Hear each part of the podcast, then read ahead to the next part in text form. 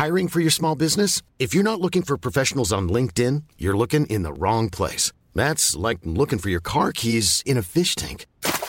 LinkedIn helps you hire professionals you can't find anywhere else, even those who aren't actively searching for a new job but might be open to the perfect role. In a given month, over 70% of LinkedIn users don't even visit other leading job sites. So start looking in the right place. With LinkedIn, you can hire professionals like a professional. Post your free job on linkedin.com slash people today.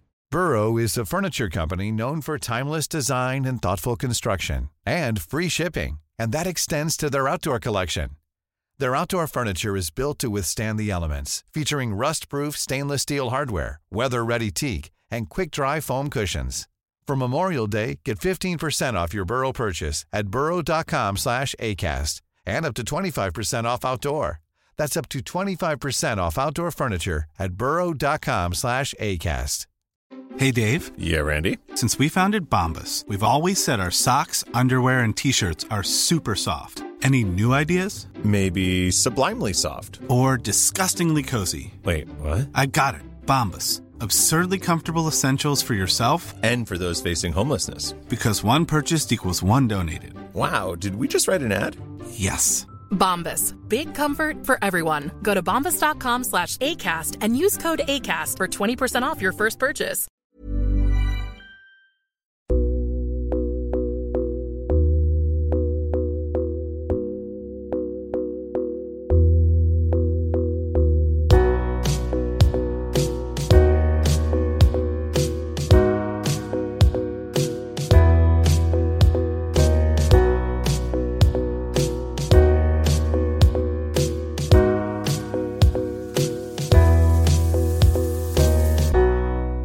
Du lyssnar på Säg vad du vill Åland, en lokal podcast med fokus på fria samtal. Jag heter Jannik Svensson och producent för podden är Didrik Svan. Vår podd består av mastodontsamtal. Vi vill ha långa samtal eftersom vi då får chansen att verkligen gå in på djupet. Idén är att fokusera på fria samtal. Det här är ingen debatt eller någon form av duell där det finns en vinnare och en förlorare. Det här är ett samtal där vi lägger fördomar åt sidan och där målet är att minska polariseringen. Vi tror att öppenhet är grunden för det demokratiska samtalet och vi vill uppmuntra dig som lyssnare att välja att exponera dig för samtal med någon du inte håller med om, hur triggad du än blir. Det kommer att diskuteras en hel del politik i den här podden och för att du som lyssnare ska slippa tänka på vad jag som programledare står politiskt kommer jag att med egna ord redovisa det för er. Jag tror på öppenhet även för min del. Min politiska bias, mina glasögon och min ideologi är frihetlig liberalism och jag är aktivt engagerad i politiken. Jag kommer att göra mitt bästa för att min partiskhet inte ska lysa igenom mitt uppdrag som programledare i den här podden. Men eftersom ingen människa kan vara objektiv så hoppas jag att ni med den här informationen kan åsidosätta mina eventuella brister och misstag. Det här avsnittet presenteras av Webax, hemsidor och innehåll. Jag heter Jannik Svensson och du lyssnar på Säg vad du vill Åland.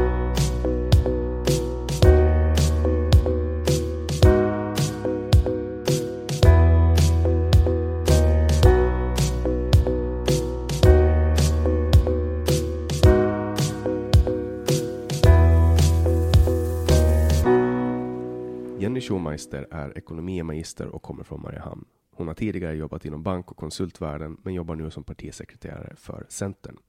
Jenny beskriver sig som en individualistisk feminist som ogillar vänsterns kapning av ordet. Hon ställer upp i valet till Ålands lagting. Välkommen hit Jenny Schumeister. Tack Jannik. Så vi måste ju börja med ditt tyska efternamn. Yes. Skomästare. Skomästare. Eh, är det för att du har många skor? Nej, jag har faktiskt ganska dåligt med skor just nu, för jag har sålt alla på Ålands köp och sälj. Hur, hur många par sålde du Det här året, eller genom tiderna? genom tiderna? Ja, 25 kanske. Och sen har det åkt iväg ett par i omgångar till insamling till flyktingläger för i Syrien. För det låter ju, alltså min sambo Kajsa, eller fästmö Kajsa, eh, hon har så många skor så att vi behöver en hel garderob åt, åt hennes skor. Det är jätteonödigt. Så 25 är liksom, det är ingenting. Fast mina barn har mer skor än vad jag har. Okej, så då är du en avvikande art, så Ja. att säga. Fast jag, jag samlar ju barnskor alltså, i olika storlekar. Och sen när, när de är urväxta så då tar jag fram min låda och så travar jag fram alla dojor i hallen. Och jag har tvillingkillar så de har lite olika storlekar och så får de bara testa och så tar man fram de som passar och så kör man. Ja. Och, Det är bäggade skor ska jag säga. och eh, du är ekonomimagister. Ja, Vad är stämmer. skillnaden på, på att vara ekonom och ekonomimagister? Oj, vilken fråga. Jag tror att ekonom, det är väl ett ord som vem som helst egentligen kan använda. Så Eh, jag kan kalla mig själv för ekonom? Ja, det tror jag faktiskt, för jag tror inte att det är en skyddad titel.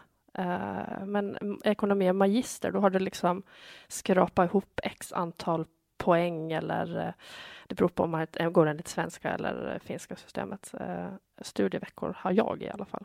Okej. Och du studerar i Finland? Ja, jag studerar i Svenska Handelshögskolan. Och vad gjorde du efter Hanken? Då fick jag jobb på ett konsultföretag som heter McKinsey Company. Mm. Eh, och så var jag där, ett tag. Det, var, det passade inte mig. Vad konsultade du mycket, det, flera projekt, men, men eh, det blev liksom rörigt. Det var för mycket, för mycket arbetstid så att man inte fick ut kläder från en kämträtt. För jag, alltså jag tänker så här, konsultjobb, det är ju någonting som alla kallar sig. Man, vad gör en konsult egentligen? Kommer in och, och säger saker? Alltså jag satt eh, egentligen och styrde upp eh, projekt. Så jag kunde jobba med flera stycken konsulter som eh, ansvarar för projekt och sen ska jag liksom styra ihop att rätt människor alltid var på rätt ställe. Och vad är ett projekt? Ett projekt kan vara ett uppdrag eh, från ett företag som säger att vi skulle vilja ha hjälp med en specifik fråga och så sätter man ihop liksom rätt folk som har jobbat med projekt som liknar eller som har kompetens inom ett visst område. Och då kunde det vara ekonomer eller ingenjörer beroende på vad det var för projekt. Det är så jävla flummigt. Ja, jag vet, det är jätteflummigt. Eh, sen har man skrivit på sekretessavtal så man kan ju aldrig säga något exempel på ett projekt. Okej.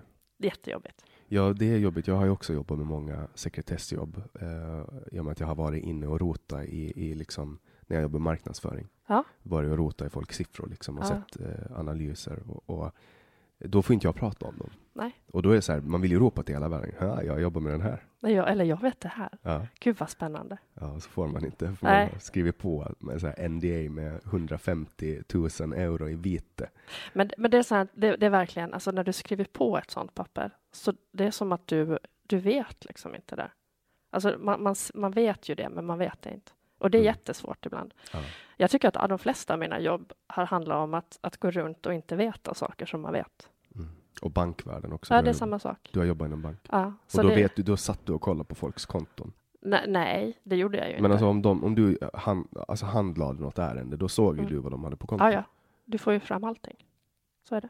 Men, men det blir bara siffror liksom. Jag tyckte att jag mera jobbar med människor än vad jag jobbar med siffror. Vad gjorde du på banken då? Eh, jag jobbar med lån. Okej, så du lånade ut pengar åt folk? Ja. Du bestämde vem som skulle få låna och inte? Så funkar det inte. Hur funkar det? Eh, man, man gör liksom en, en ansökan och samlar in de uppgifter man behöver och sen är det någon annan som i princip då säger ja eller nej, eller en grupp oftast. Så du kollar på kreditvärdighet Ja, och lite så. snackar med dem? Ja. Men du berättar ändå din känsla av, av Eh, mötet, eller? ja, Kollar de bara på Nej, siffror? alltså det är faktiskt mest siffror. Så är det faktiskt. Mm. Men det är ändå en människa bakom alla siffror. Ja. Och vilka, vilken bank jobbar du på? Jag jobbar, måste jag säga det? Nej, det måste inte. Men Nej. var det här i... Jag, jag jobbar på en bank på Åland. Ja, okej. En bank på Åland. En bank på Åland. Och hur länge sedan slutade du med det? Herregud. Eh, sen var jag barnledig. Eh, ja, ett par, några år jobbade jag på bank. Eh, sen fick jag tvillingar och så, eller nej, sen började jag jobba på Centern faktiskt. faktiskt och så Som partisekreterare? ja, sen fick jag och Hasse tvillingar. Var du center innan du Eh, började jobba där? nej, jag har aldrig definierat mig alltså, politiskt, men jag har alltid vetat att jag är liksom mot högern. Mm. Där någonstans har jag hittat mig själv. Och det handlar mycket om individens ansvar egentligen. Det är För- så man, jag definierar politik lite. För jag, jag tycker ju att du är lite malplacerad i Centern, Tycker enligt du? mitt sätt att se det. Ja, vad spännande. För att du är liksom, du är en stadstjej, du glider runt i en Tesla, Jaha. du klär dig borgerligt, om man får säga så, alltså stiligt. Eh, och ehm, det känns bara som att du borde tillhöra ett parti som är lite mer höger. Och mindre men, men Centern tycker jag är höger. Ja, vi har olika syn på Centern. Alltså, jag tycker liksom ja, att... Absolut, men de är konservativa. De vill att saker ska stå stilla. De, är, de tycker det. nej. Okej. Det här är bara politiska Ja, meningsskiljaktigheter. eh, nej, jag tycker inte alls att det är så. Jag, jag skulle kunna kanske ha valt Moderaterna, alltså någonstans. Mm. Det är Ja, där jag känner... Ja, fast, fast det är liksom ett för mycket stadsparti. Jag tycker att hela Åland är minst lika viktigt. Och då måste man hitta en högre vinkling som faktiskt funkar för hela Åland. Och då, då hittar man inte så mycket mer än Centern. Så, så jag känner mig liksom trygg i var jag är politiskt. Hur ser du mitt parti då? Ser du mitt parti som ett vänsterparti? Ja, ni är nog mycket mer vänster. Eh, sen tycker jag det att, ja, ska vi prata Liberalerna? Så då tycker jag att det beror lite på vem som är där, hur långt vänster ni går. Och så är det ju med Centern också. Ja, men så är det. Alltså politik, det är ju fortfarande bara människor. Ja, det är symptomet på fördelningspolitik. Ja, alltså politik är ju bara att fördela en påse pengar. Ja, Så ja här i alla fall. I, I Finland så kan man ju höja och sänka skatter. Ja, men det, det slutar ju ändå med en påse pengar. Ja. Så är det. Men, men sen beroende på vill man att, att alltså skattefördelningen, den gör ju att man kommer in, man, man bäddar upp för en mer ideologisk debatt. Ja, Fast det är fortfarande bara en påse pengar. Absolut. Alltså hur du får påsen med pengar, det är ju det som är liksom Mm. politiken i det. Ska vi plundra den av människornas eh, goda vilja eller ska vi uppmuntra människor att jobba mera så att det genererar mera pengar? Alltså jag tycker ju att eh, folk som kan och vill ska kunna jobba och tjäna pengar. Mm. Så är det. Har du, Sen- mycket, har du mycket pengar? Eh, jag har lagom mycket. Hur är lagom mycket? Är det, Jag är medelklass, om man nu ska dela in det. Och För- vet du vad det roliga är? berätta. Vet du vad medelklass är egentligen? Medelklass är ju rika människor.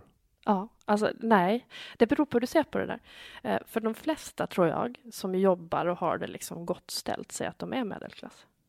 Men eh, medelklass är att du i princip ska klara dig typ två år med det du har i kapital.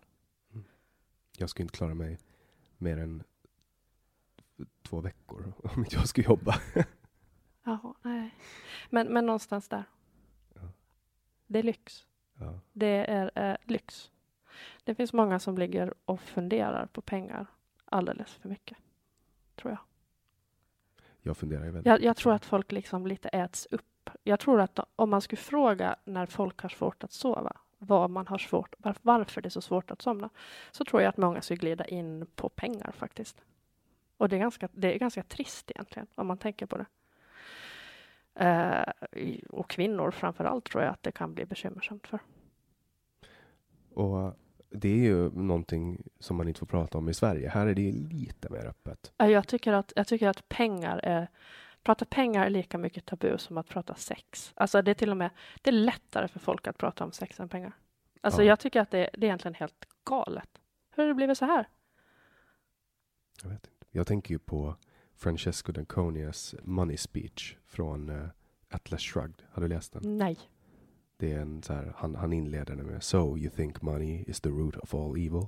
Och så håller han ett brandtal som är helt underbart. Och nu är det typ kanske femtonde gången jag lyfter upp Ayn Rand i den här podden. Ja, spännande. Har du hört mig prata om Ayn Rand i den här podden? Nej, det tror jag inte. Ja. Men jag känner att jag kanske måste läsa. Ge mig ett litet boktips. Det blir bra. Mm. Ja. Ja, men det är, det är Atlas Shrugged, det är mitt boktips. Ja. Det är ju den som, som alla sossar förfasar sig över. För att hon, hon är ju så, Ayn Rand, hon var ju så höger man bara kunna bli liksom. Mm. Ja, nej, spännande. Den ska jag kolla på. Men när, om jag får prata kvinnor och pengar Mm. eh, så, så skulle jag vilja ha lite mer systerskap i frågan om pengar. Det är faktiskt en dröm som jag har.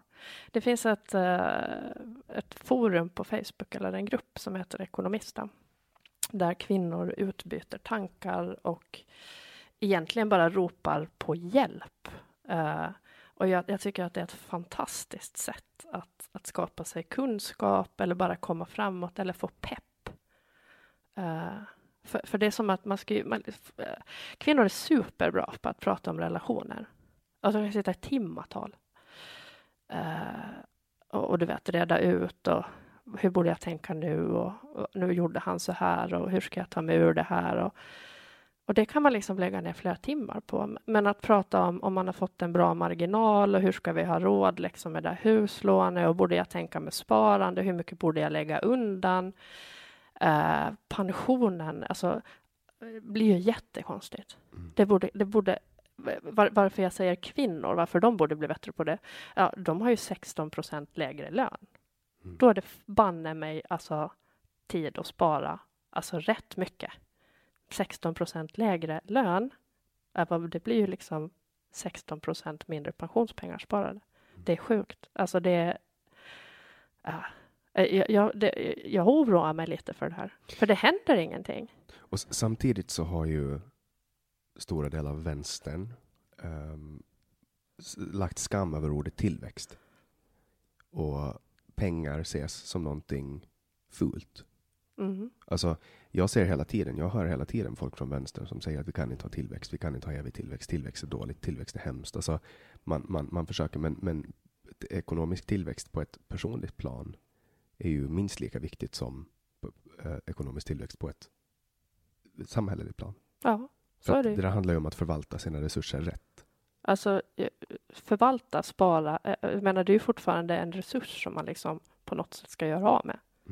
Uh, och då måste man liksom väga in hur mycket resurser ska jag göra av med den här månaden då? Uh, och hur mycket ska jag spara? Alltså, jag har tänkt jättemycket på en sak och det är att när, från det att man studerade så man levde liksom med, med rätt, det var liksom knapert någonstans. Men man klarar sig ju alltid, man hade inte så mycket grejer och, och eh, det var ju en frihet i att ha, man kunde packa ner allting i en låda liksom, och skruva bort bordsbenen liksom, och så kunde man bara flytta till nästa lägenhet. Tänk om man hade levt på samma sätt som när man började jobba. Alltså fantastiskt. Herregud, vilket sparkapital man hade haft. Ju... Och, och, man, blev ju liksom, man blev ju inte lyckligare bara för att man hade ett bostadslån och en större lägenhet. Man har liksom bra kunnat klämt in sig liksom ett litet kollektiv. Liksom. Jag är ju där nu. Jag har ja. precis avslutat mina... Jag har ju bott i Stockholm. Ja. Och där hade man så en hyra på 12-13 000 i månaden. Ja, det är helt galet. För, för en liten 25 eller 23 kvadratare. Och då fick man leva hand to mouth ganska länge och sen ja. stoppade jag in alla mina pengar i något av mina företag. Ja. Så att jag, jag, har, jag är alltid liksom, lever alltid, eller de senaste åren sedan jag startade mitt första företag, 2016, så har jag levt så. Alltså jag flyttade egentligen från Stockholm för att jag konstaterade att man betalar sig sjuk för att bo. Mm. Samtidigt som jag inte hade lust eller orka mera liksom. Eh, ta tillbaks de pengarna man spenderar varje månad för att man bor i Stockholm. Och med det menar jag att man inte går ut på teater, bio eller går ut och käkar eller går på krogen eller vad, vad det nu finns i utbudet. Och då sitter man bara och betalar sig sjuk för att bo där.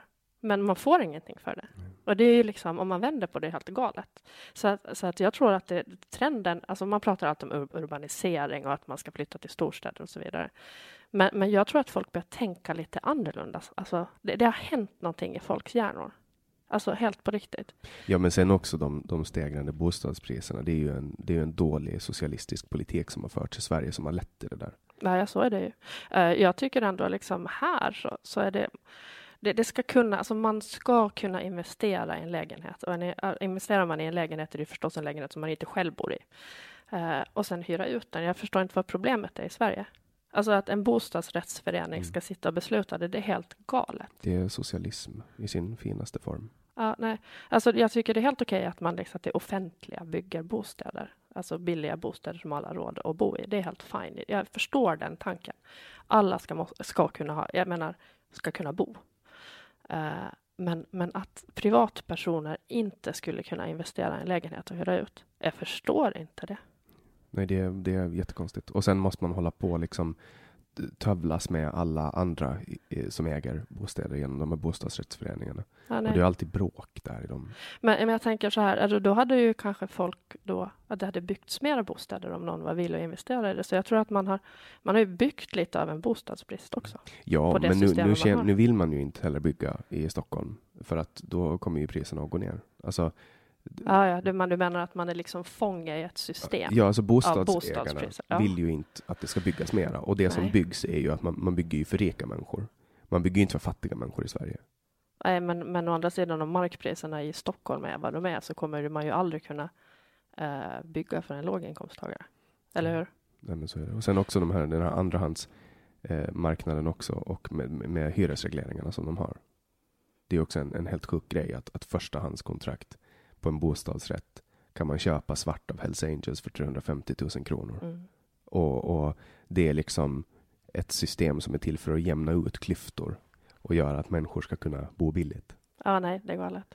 Nu hamnar vi in på Stockholms bostadsmarknad. Men du har bott i Stockholm? Ja, jag har bott i Stockholm. Nu försöker din hund dricka ur mitt vatten. Hon, det får, det får hon göra. hon luktar bara. Ja, ja, ja. Jag brukar, jag brukar till och med dela vattenglas med henne. Hon är... Eh, ja. Jag vet inte varför jag berättade. Det, var en, det där var en ganska intim detalj som jag avslöjar om mitt privatliv nu. Ja, Jag skulle inte dela vattenglas med en hund. Jag delar faktiskt inte ens med mina barn för de kommer hem med alla sjukdomar som finns på dagis. Mm. Så eh, jag brukar vara väldigt restriktiv med mitt vattenglas. Mm. Nej, jag har, Luna är liksom... eh, Hon är så... Men det, hundar har ju en tendens att äta bajs. Ja, ja jag vet. Och det Det är jätteäckligt. Ja, det är, Ja, det är eller hästskit.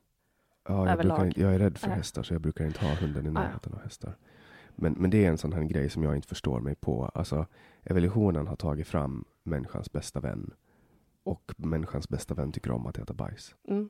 Det kanske är ett tecken på att, att fekalietransplantation är framtidens hälsokurer. Du har hört om det? Va? Ja, absolut. Alltså, eh, ja, vi håller ju lite på med kombucha och det här med Mm. eh, fermentering som är jättebra. Och då känner jag att det kanske, om man har ett magproblem så kanske man hellre går den vägen än eh, fekalietransplantation. Ja, men, men, men det här är ju alltså då, man tar bara en liten, liten bit av Mm. någon annans bajs Ja. och stoppar in i sin egen tarm. Mm. Eh, men det måste ju vara en frisk människa. Ja, ja, ja. såklart. Eh, Men, men jag har också hållit på med kombucha. Jag är Mm. till och med med i kombucha-klubban. Och jag har sett alla bråk där. Det blir bråk i kombucha-klubban. Alltså, jag har inte varit in på kombucha-klubben på länge. Eh, är du med den där åländska? Kom kombucha? Nej. Nej. Men Nej. där är det inget bråk. Ja, Okej, för det är det i kombucha. Du måste byta eh, kombucha-grupp. Ja, jag kanske ska göra det. Jag är ju jag är med i väldigt många olika grupper. eh, Där, där, där, alltså jag, jag vet inte, det kanske bara är så att algoritmerna gör så att alla bråk visas. För jag upplever att det är bråk i alla grupper. Jaha, ja, kanske.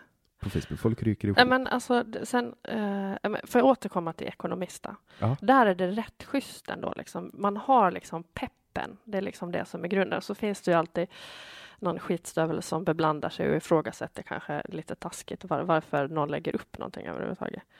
Eh, så att man borde liksom gå in mera på pepp, alltså att gruppens mål är pepp i ett visst ämne. Och det borde vara liksom klart spesat eh, från början. Men i den här gruppen, delar ni med er av tips och råd om hur man investerar eller är det folk som frågar om pengar? Nej, nej, nej, nej, nej. Alltså det kan vara så här, hjälp, eh, min man vill skiljas och jag har inte råd att bo kvar i lägenheten och där är inte han heller och vad ska jag göra liksom?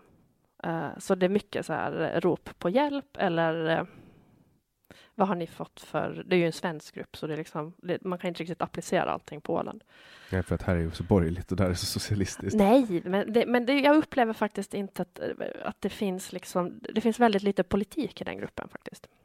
Men det är så här, jag kan binda min ränta till 1,65 liksom. Är det här en bra deal? Och så delar man med sig liksom. Det är ju en ganska bra del Ja, men det, på ett lån. eh, för att vara Sverige, ja. Vi har ju ganska billiga lån på Åland. Mm. Men, men eller det beror på om det är bostadslån eller Ja, bostadslån. Ja. Konsumtionslån är en annan sak förstås. ja, De brukar väl ligga på typ 3 procent Ja, det beror ju på. beror på.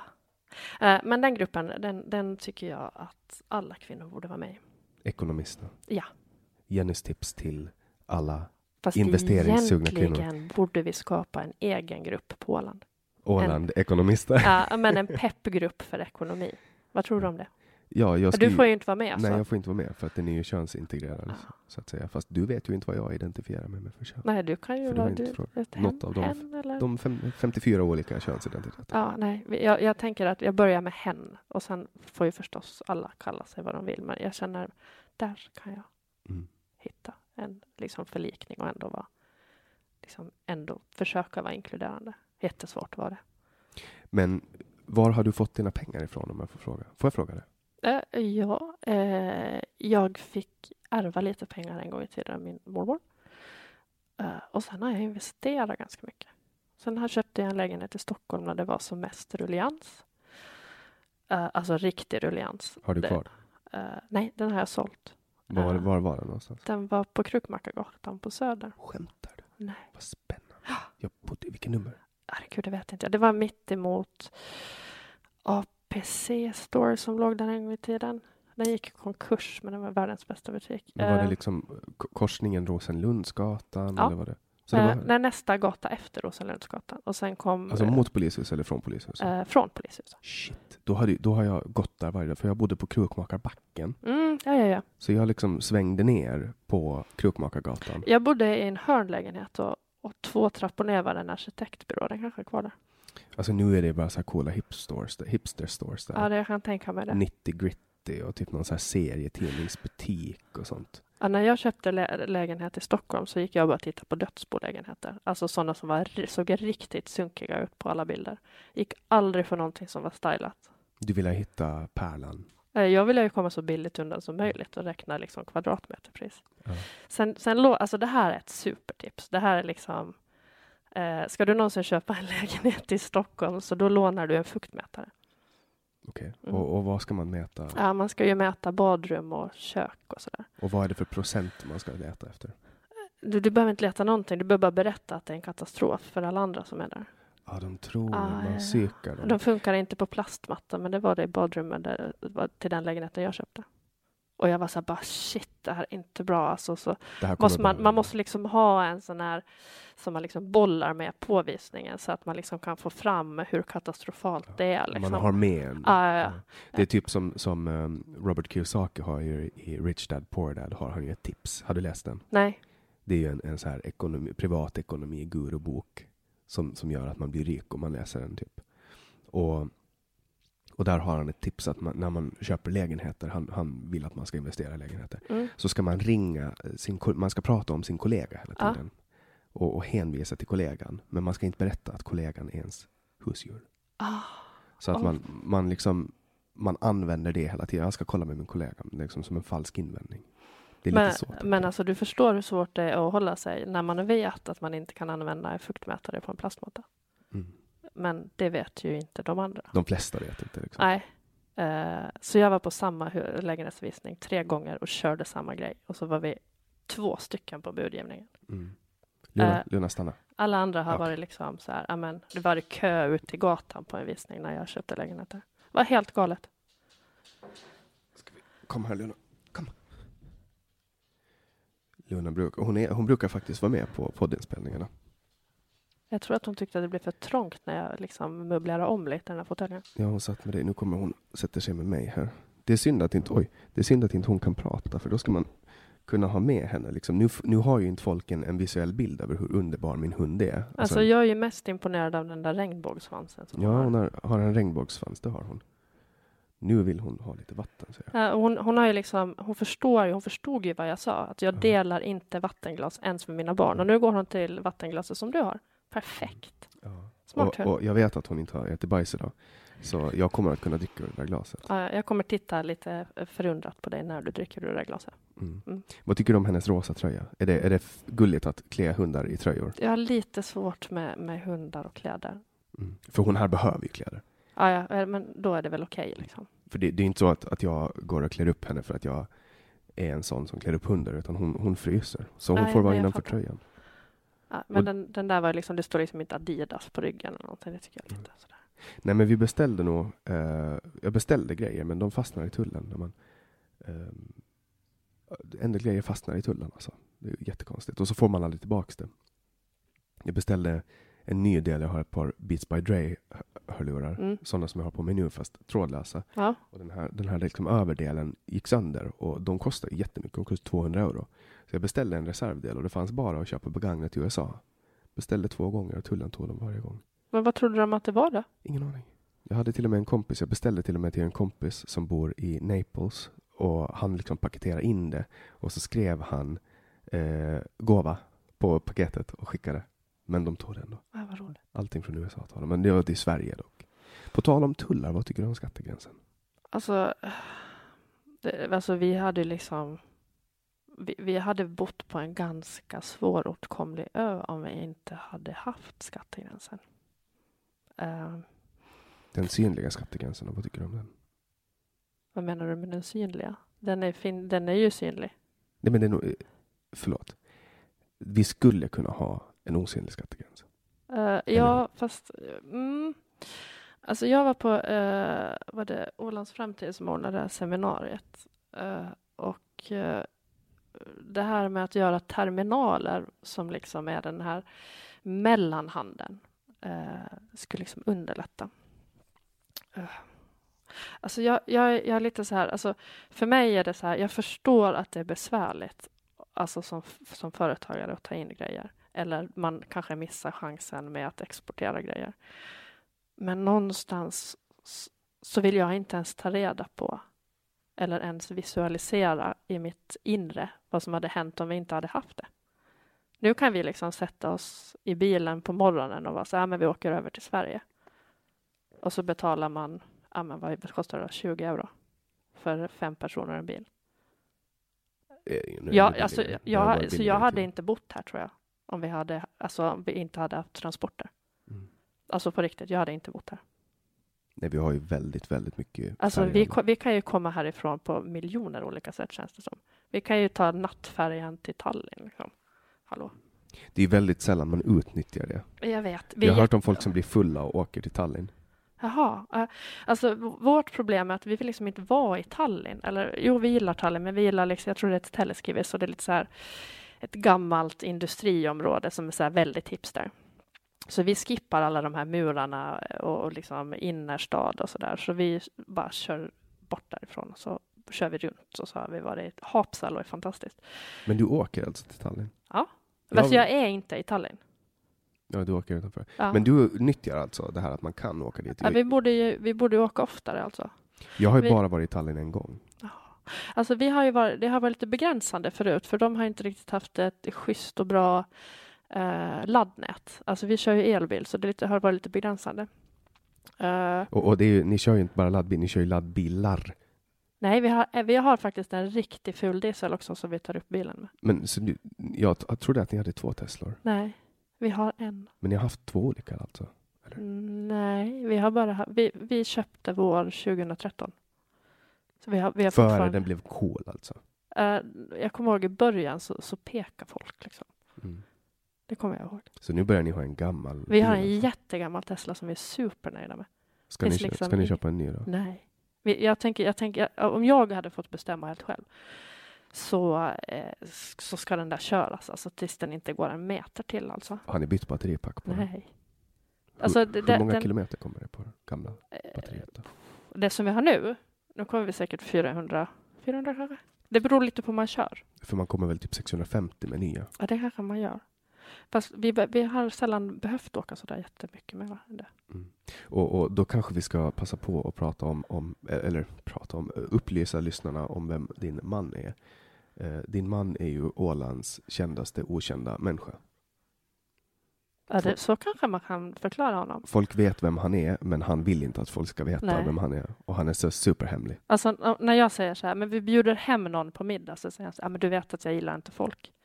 Men det är, alltså, det är alltså Hasse Holmström. Ja, och, han, och han är så här, i mina ögon så är han så här supersocial.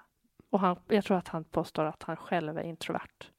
Och jag tycker inte det där riktigt går ihop. Så jag, jag är ganska hänsynslös. Så jag är så här bara, ja men kom och käka middag hos oss. Och så bjuder man hem folk och sen så bara, du vet jag nu att jag gillar ju inte folk.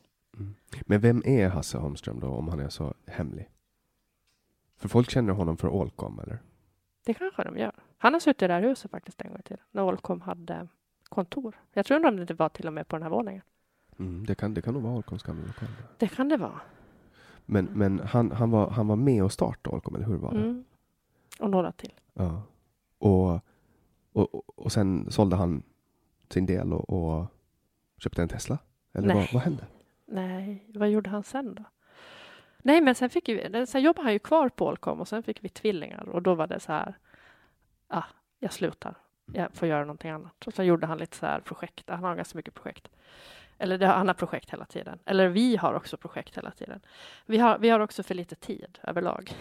Men nu är han alltså då Ålands kändaste tunnellobbyist. Ja, eller tunneltaliban brukar han väl kallas för, eller propagandist. Tunnelpropagandist, det tyckte jag var roligt. Eh, men hemma går han väl lite mer under benämningen tunnel... Jag vet inte. Allt möjligt roligt. Man kan ju, man kan ju sätta ihop vilka roliga ord Mm. Men tunnel är alltså prefixet. Så det är Ja. tunnel-Hasse. Ja. Tunneltaliban. Eh, men det här är som på skoj. tunnelterrorist. Nej, inte så långt. Han vill ju spränga, det är ju det. Ja.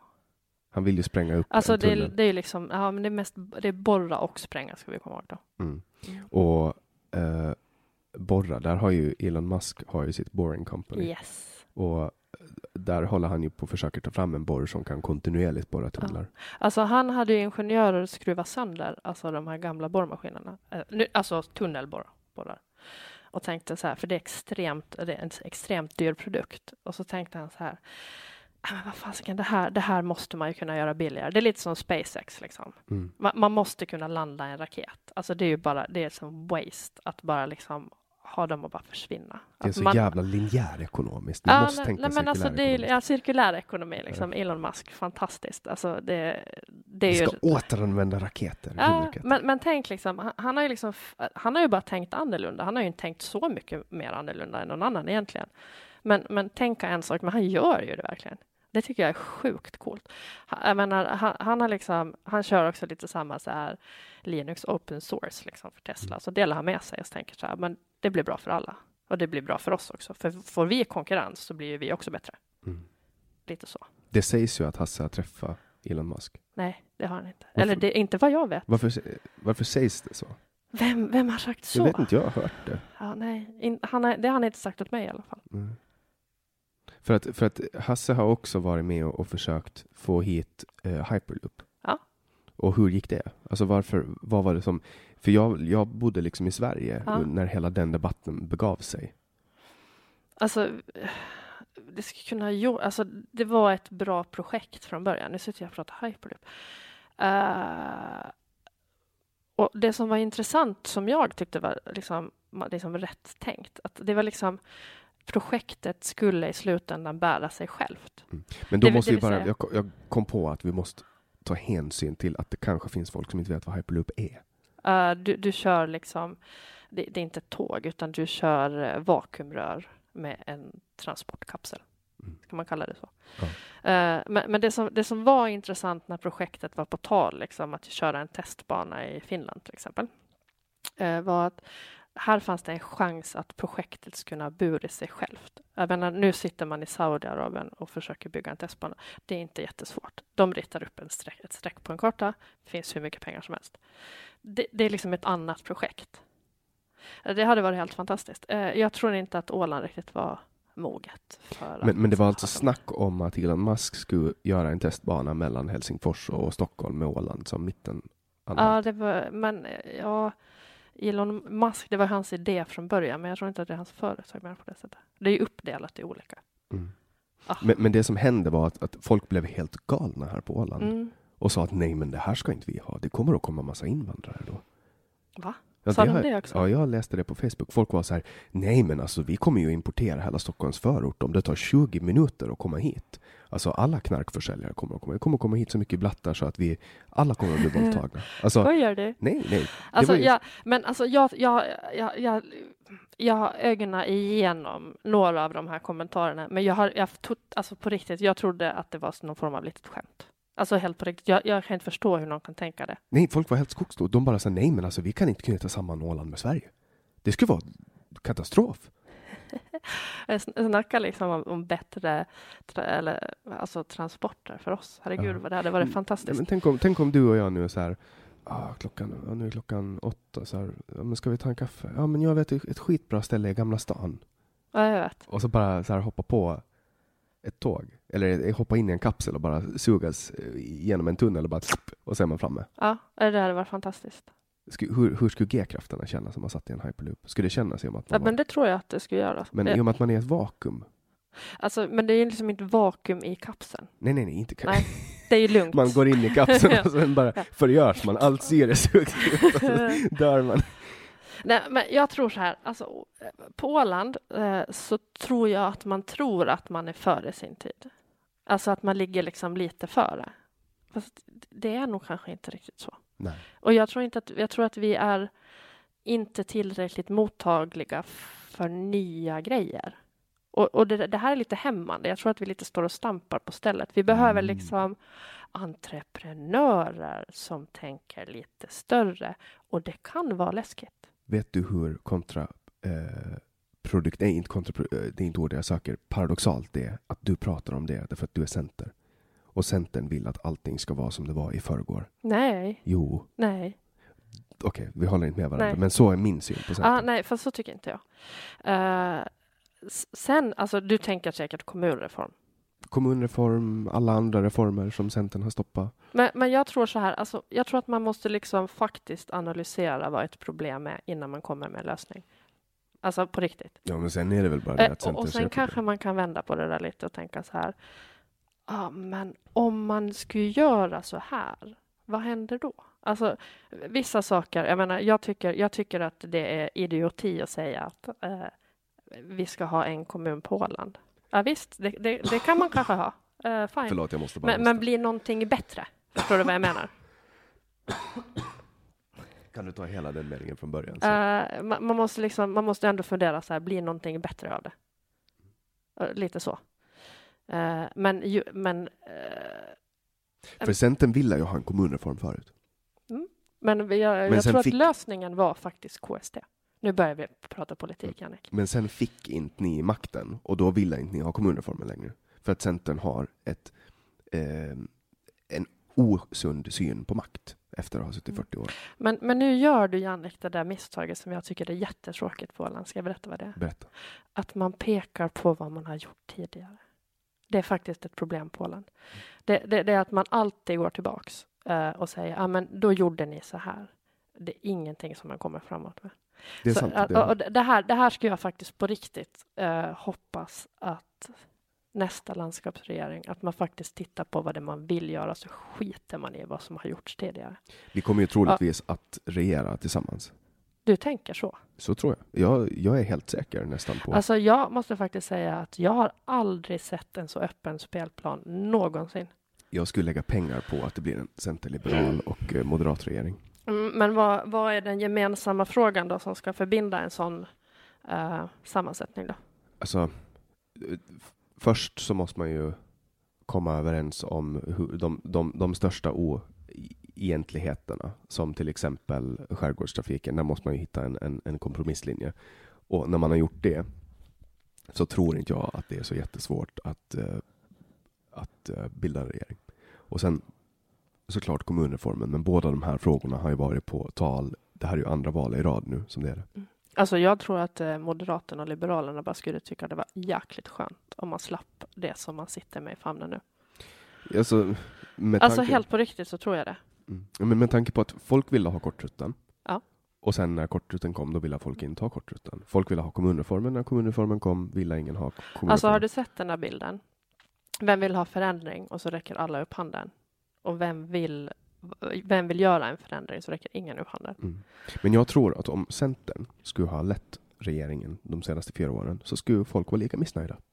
Tror du? Ja, Nej. för att det här är Alltså, missnöjs... Eh, Det finns en sak som jag faktiskt eh, känner att folk har blivit jättearga på. Det är man säger att man ska göra någonting och sen frågar man. Och det är liksom fel väg. Jag, jag tycker faktiskt att man ska lyssna på folk. Sen behöver man inte lyssna på dumheter. Men, Mm. men att folk ska bli hörda, det tror jag att det är jätteviktigt. Mm. Alltså att man frågar.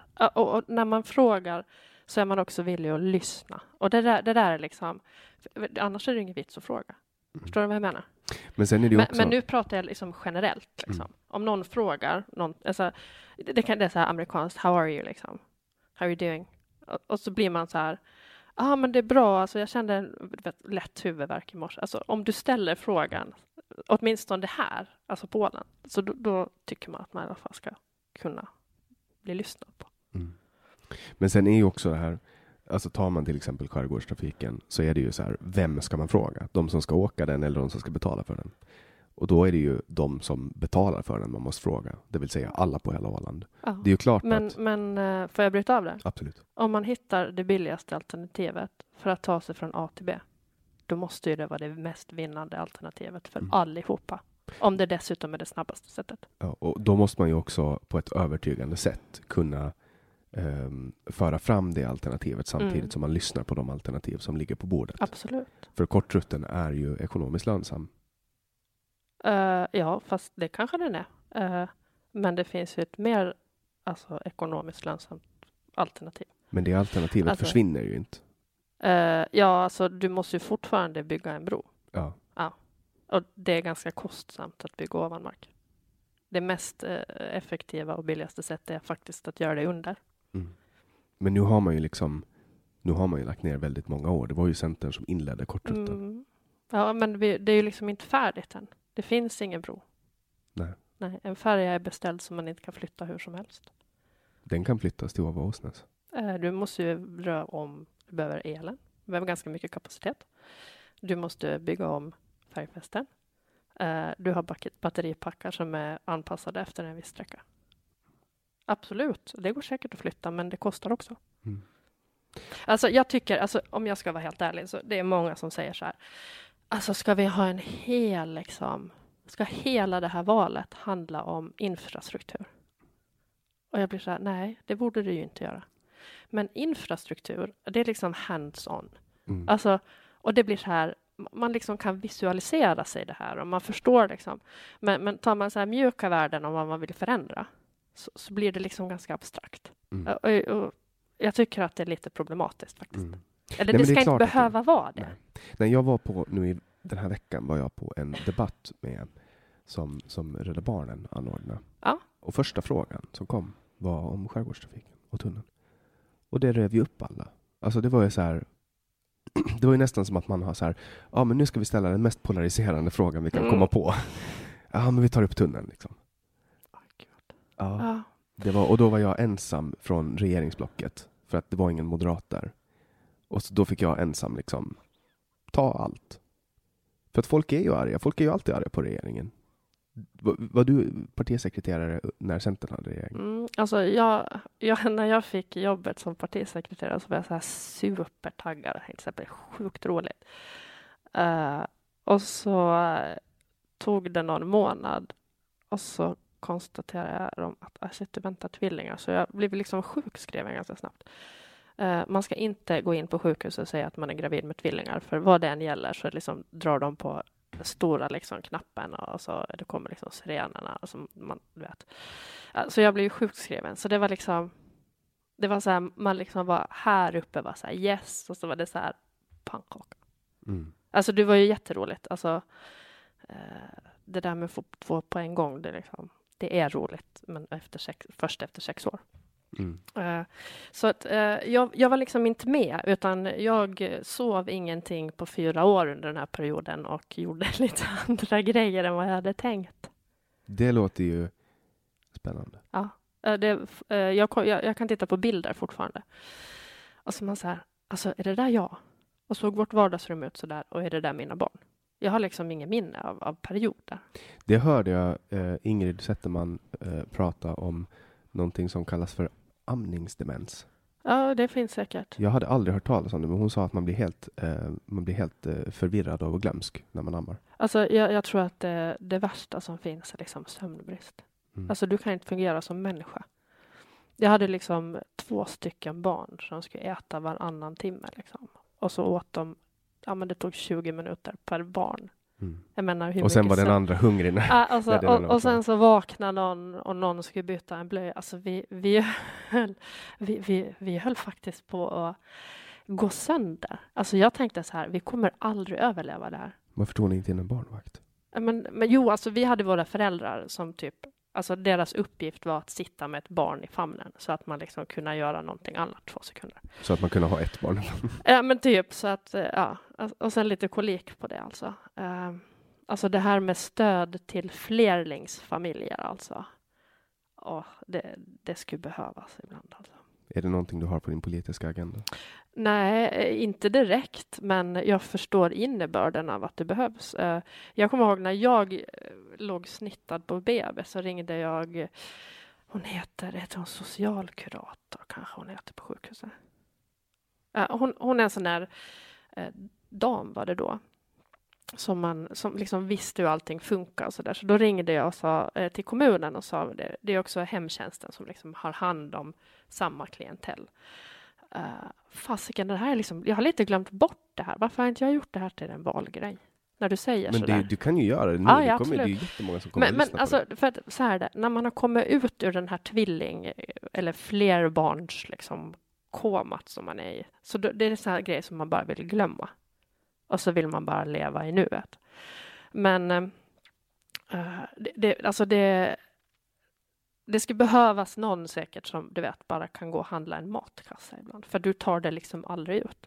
Det är det som, det är, det som är så underbart med kapitalism och Sverige. Där kan du ju handla din mat online. Det kan du göra. Mm. Och då, ja, det och hade då jag ju gjort. Den kommer ju så här samma dag också. Ja. De kommer i någon bil och, och knackar på och så får man sina grejer. Ja, så. Så handlar man hemifrån och sen kommer den ihåg vad man handlade förra gången så man kan bara ta repeat order. Och är man lite smart för att man får så här.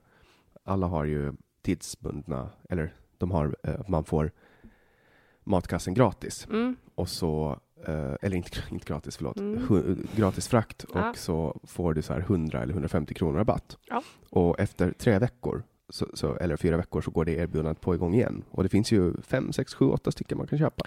Så då tar man först från Mathem, sen tar man från Ica, sen tar man från Coop och sen tar man från Mat.se och sen får man från Mathem igen då eh, den här rabatten. Så man får ju 150 kronor varje månad. Fast jag kommer ta tillbaks det där med, med att, det är, att man vill ha hjälp med att få hem en matkasse. För eh, när man väl är inne i det där så är det som att åka på en charterresa, att åka till kantarellen och handla och titta på hyllorna. Liksom. Och charter är ju aldrig kul. Ah, Nej, alltså fast jo, alltså tvillingcharter i det här fallet då. Nej, charter är inte roligt. Det håller jag med om. Det är liksom så här, folk klappar när man landar. Nej, fast det tycker jag att folk får göra. Jag tycker, jag tycker att det är bra att människor känner lycka över Men vad ska man göra då? Klappar man inte om de misslyckas med att landa? Det, Ja, det är ingen som klappar. då är det ingen som klappar. Nej. nej. Eh, vad var det jag skulle säga? Charter? Ja, jag har varit på charter eh, en gång tror jag. Vart chartrade du då? Till Gran Canaria? Nej, uh, herregud, vad var vi? Jag kommer inte ens ihåg var vi var. Men jag, jag tror att det är ganska många som inte vet vad en charter är. Det är ju när ett, ett bolag, ett resebolag hyr ett flygplan Mm. och kör iväg folk Och till- hyr hotell. och hyr hotell och kör iväg alla och packar in alla på samma hotell. Mm. Och så är resan liksom styrd. Mm. Så att man bara köper allt från en grej. Och så tar uh, resebolaget en marginal på det. Mm. Så att egentligen så vet alla att det är billigare om du köper flygbiljetten och bokar ditt eget boende. Men man väljer att inte göra det. Mm. Men sen har de också så här underhållning för svenskar. Ja, det är sant. Och så är det så här, men typ bingo runt poolen. Och så har de så här köttbullar och, och Vasa knäckebröd på hotellet. Så att det är liksom, det är också att man tar med sig kulturen liksom. Mm, Och så lyssnar man på, man kanske ser någon Lasse Åberg-film eh, på, på vägen ner. Men, men det där, jag tror att det där kommer försvinna. Alltså nu ser vi liksom Airbnb som, som det nya sättet. Liksom. Det är också en form av delningsekonomi. Mm. Jag gillar det där. Alltså skulle jag få bestämma nu, sä- sätter jag ju då min sambo Stoffer där. Så jag skulle bara liksom, bara vill, varje gång vi åker någonstans så skulle vi hyra ut åtminstone en våning i vårt hus. Och han är så här, bara nej. Och jag är så här, jo. Mm. Tänk, nu åker vi bort och nu står vår, vårt hus bara där. Men sen är det ju Helt. pengarna också, man får ju massa pengar för det. Ja, men det, som, det känns lite onödigt liksom. Men, men folk, eh, det var, jag hamnade i en, i en diskussion här för några veckor sedan med en person som när jag sa att Uber är ju typ det bästa som har hänt. Mm. Och, och han, han är gammal taxichaufför och bara nej. Så här, man måste reglera den marknaden, men måste man det? Kan inte marknaden först? Men, men jag, jag kan ju gilla det där, tänker att man liksom, alltså om man känner för så kan man vara taxichaufför tre dagar i veckan på kvällen. Ja, Alltså då kan du liksom styra ditt, eh, ditt inkomstflöde liksom. Och, och så kanske du jobbar eh, inhoppare som lärarvikarie och så har du en liten firma som du just har startat. för gig-ekonomi. Ja, men gig. Ja. Alltså, men det låter så där coolt så jag, vill, jag har svårt att ta ordet gig-ekonomi. Men jag, jag, jag förstår den där känslan av att kunna göra olika saker och aldrig bli trött på vad du gör. Tänk i, i våras när jag, hur cool jag kände mig när jag åkte från Krukmakarbacken på Söder Mm. på en Voi-skoter Mm. med en Macbook i min axelväska, ett par renskinshandskar till ett co-working space. Åh, man vad mycket yta du fick in i det där, Janne. Alltså. Och då kände jag mig, då kände jag mig så här, då, min enda tanke var så här, och Ja, jag, jag- lyssnade nej. på en podd också, och då var det så här, jag måste lämna Stockholm. Nej, jag tänkte säga, nu flyttar jag till Åland. och sen gjorde jag det. Ah, nej, det är sant. Det, det, alltså det är väldigt mi, mycket mindre yta ändå här. Alltså jag, det som jag gillar mest här, äh, folk, alltså det som jag gillar med folk här, är att, att man ändå liksom, man går runt, träffar folk som man känner på ett eller annat sätt. Och, och man kan bli stannad och så pratar man om, om princip vad som helst. Det, det finns, alltså den där, det, det, är liksom, nu har det där blivit som en trygghet i mitt liv. Förut var det som en last. Nu har, nu har jag blivit så gammal att jag tycker att det är skönt att kunna stanna och prata med folk som man känner eller semikänner. Och det var det som jag tyckte var en last. Det var därför jag flyttade härifrån. Jag tyckte ju också att det var en last Mm. och så flyttade jag till Stockholm och sen efter tre år i Stockholm så hade jag lärt känna så många människor och rörde mig på samma geografiska yta hela tiden. Så att jag träffade folk jag kände sig på tunnelbanan och då blev man ändå att stanna och prata med folk. Man går till samma butik och jag rörde mig bara mellan, mellan Södermalm och Stureplan. Och där är det ju liksom, jag jobbar på Stureplan och bodde på Ma- Mariatorget. Mm. Och, och då är det så här, ehm, det gör ju typ, folk som jobbar på Stureplan bor ju typ inne i innerstan. Mm. Och så blir det så här, så litet ändå, det blir som en liten bubbla. Så till sist så var det Alltså- så, fast inte på samma sätt, men typ. Alltså, jag kände ibland så att man blev liksom kvävd när man bodde i Stockholm. Och då satte jag på mig så här skitfula gummistövlar, regnjacka, en gammal mössa. Så tog jag en så här korg och så satte jag mig på tunnelbanan. Och så, så hade jag kollat ut så här på kartor vad det såg ut som det var en bra skog. Och så får jag plocka svamp. Och så kunde jag liksom sitta på vägen tillbaks med min korg i fam- famnen och hitta svamp. Liksom. Och alltså, vi, alltså vad folk pratar med. Alltså. För de hade, det var liksom som, som folk gjorde liksom inte sådär. För att plocka svamp behövde du en bil i Stockholm. Så Mm. de, de syntes aldrig i kollektivtrafiken. Och det så här, hade jag så här svampkurs liksom, på tunnelbanan. Alltså, men jag, men alltså att, att du lyckades jag prata med folk på tunnelbanan också. Ja, ja, men jag hade ju en korg. Det var liksom som en öppnare för, för en diskussion. Jag Eh, hade, ju- jag hade ju Luna med mig i tunnelbanan. Ja, men det funkar också. Ja, alltså fast folk pratar inte med en, men de tittar på en och typ låg lite ibland. Nej, men det är den där svansen. Nej, men hon, då hade hon inte Nej. regnbågsfärgad Nej, svans. jag fattar. Men, Ah. men sen var, var det också så här typ en gång, du vet ju att de har ju något jävla tåg från 40-talet som de kör runt med på röda linjen. Mm, det skramlar. Ja, och jag har ingen aning om, om det är någon så här K-märkt tåg som de bara vill ha kvar eller om de har det av ekonomiska Det fanns ju ett som var så här silverfärgat som jag tyckte var grymt snyggt. Jag tror att det hade de nog tagit bort. Ja. Nu är det så ett blått gammalt jävla ok som det smäller och visslar och gnisslar och eh, fruktansvärt. Och eh, en gång så stannade jag tåget eh, och så blev det varmt Mm. och, och jag stod där inne och så hade vi stått i kanske 15-20 minuter och vi var liksom inne i en Signalfel låter det där som. Ja, ja. Ja. Signalfel, det är ju självmord. Det är ju ett, en kod för självmord på Ja. tågrälsen. Och, och då stod vi där inne och sen efter 20 minuter, det var helt tyst. Alltså, det var ju knäpptyst och det blev varmt och vi var inne i en tunnel så folk kunde inte gå ut för folk brukar ju så här öppna dörrarna och Mm. bara gå. Ehm, men då sa jag så här, någonting. Jag, jag, jag sa någonting högt. Jag bara, fy fan vad varmt det är här inne. Mm.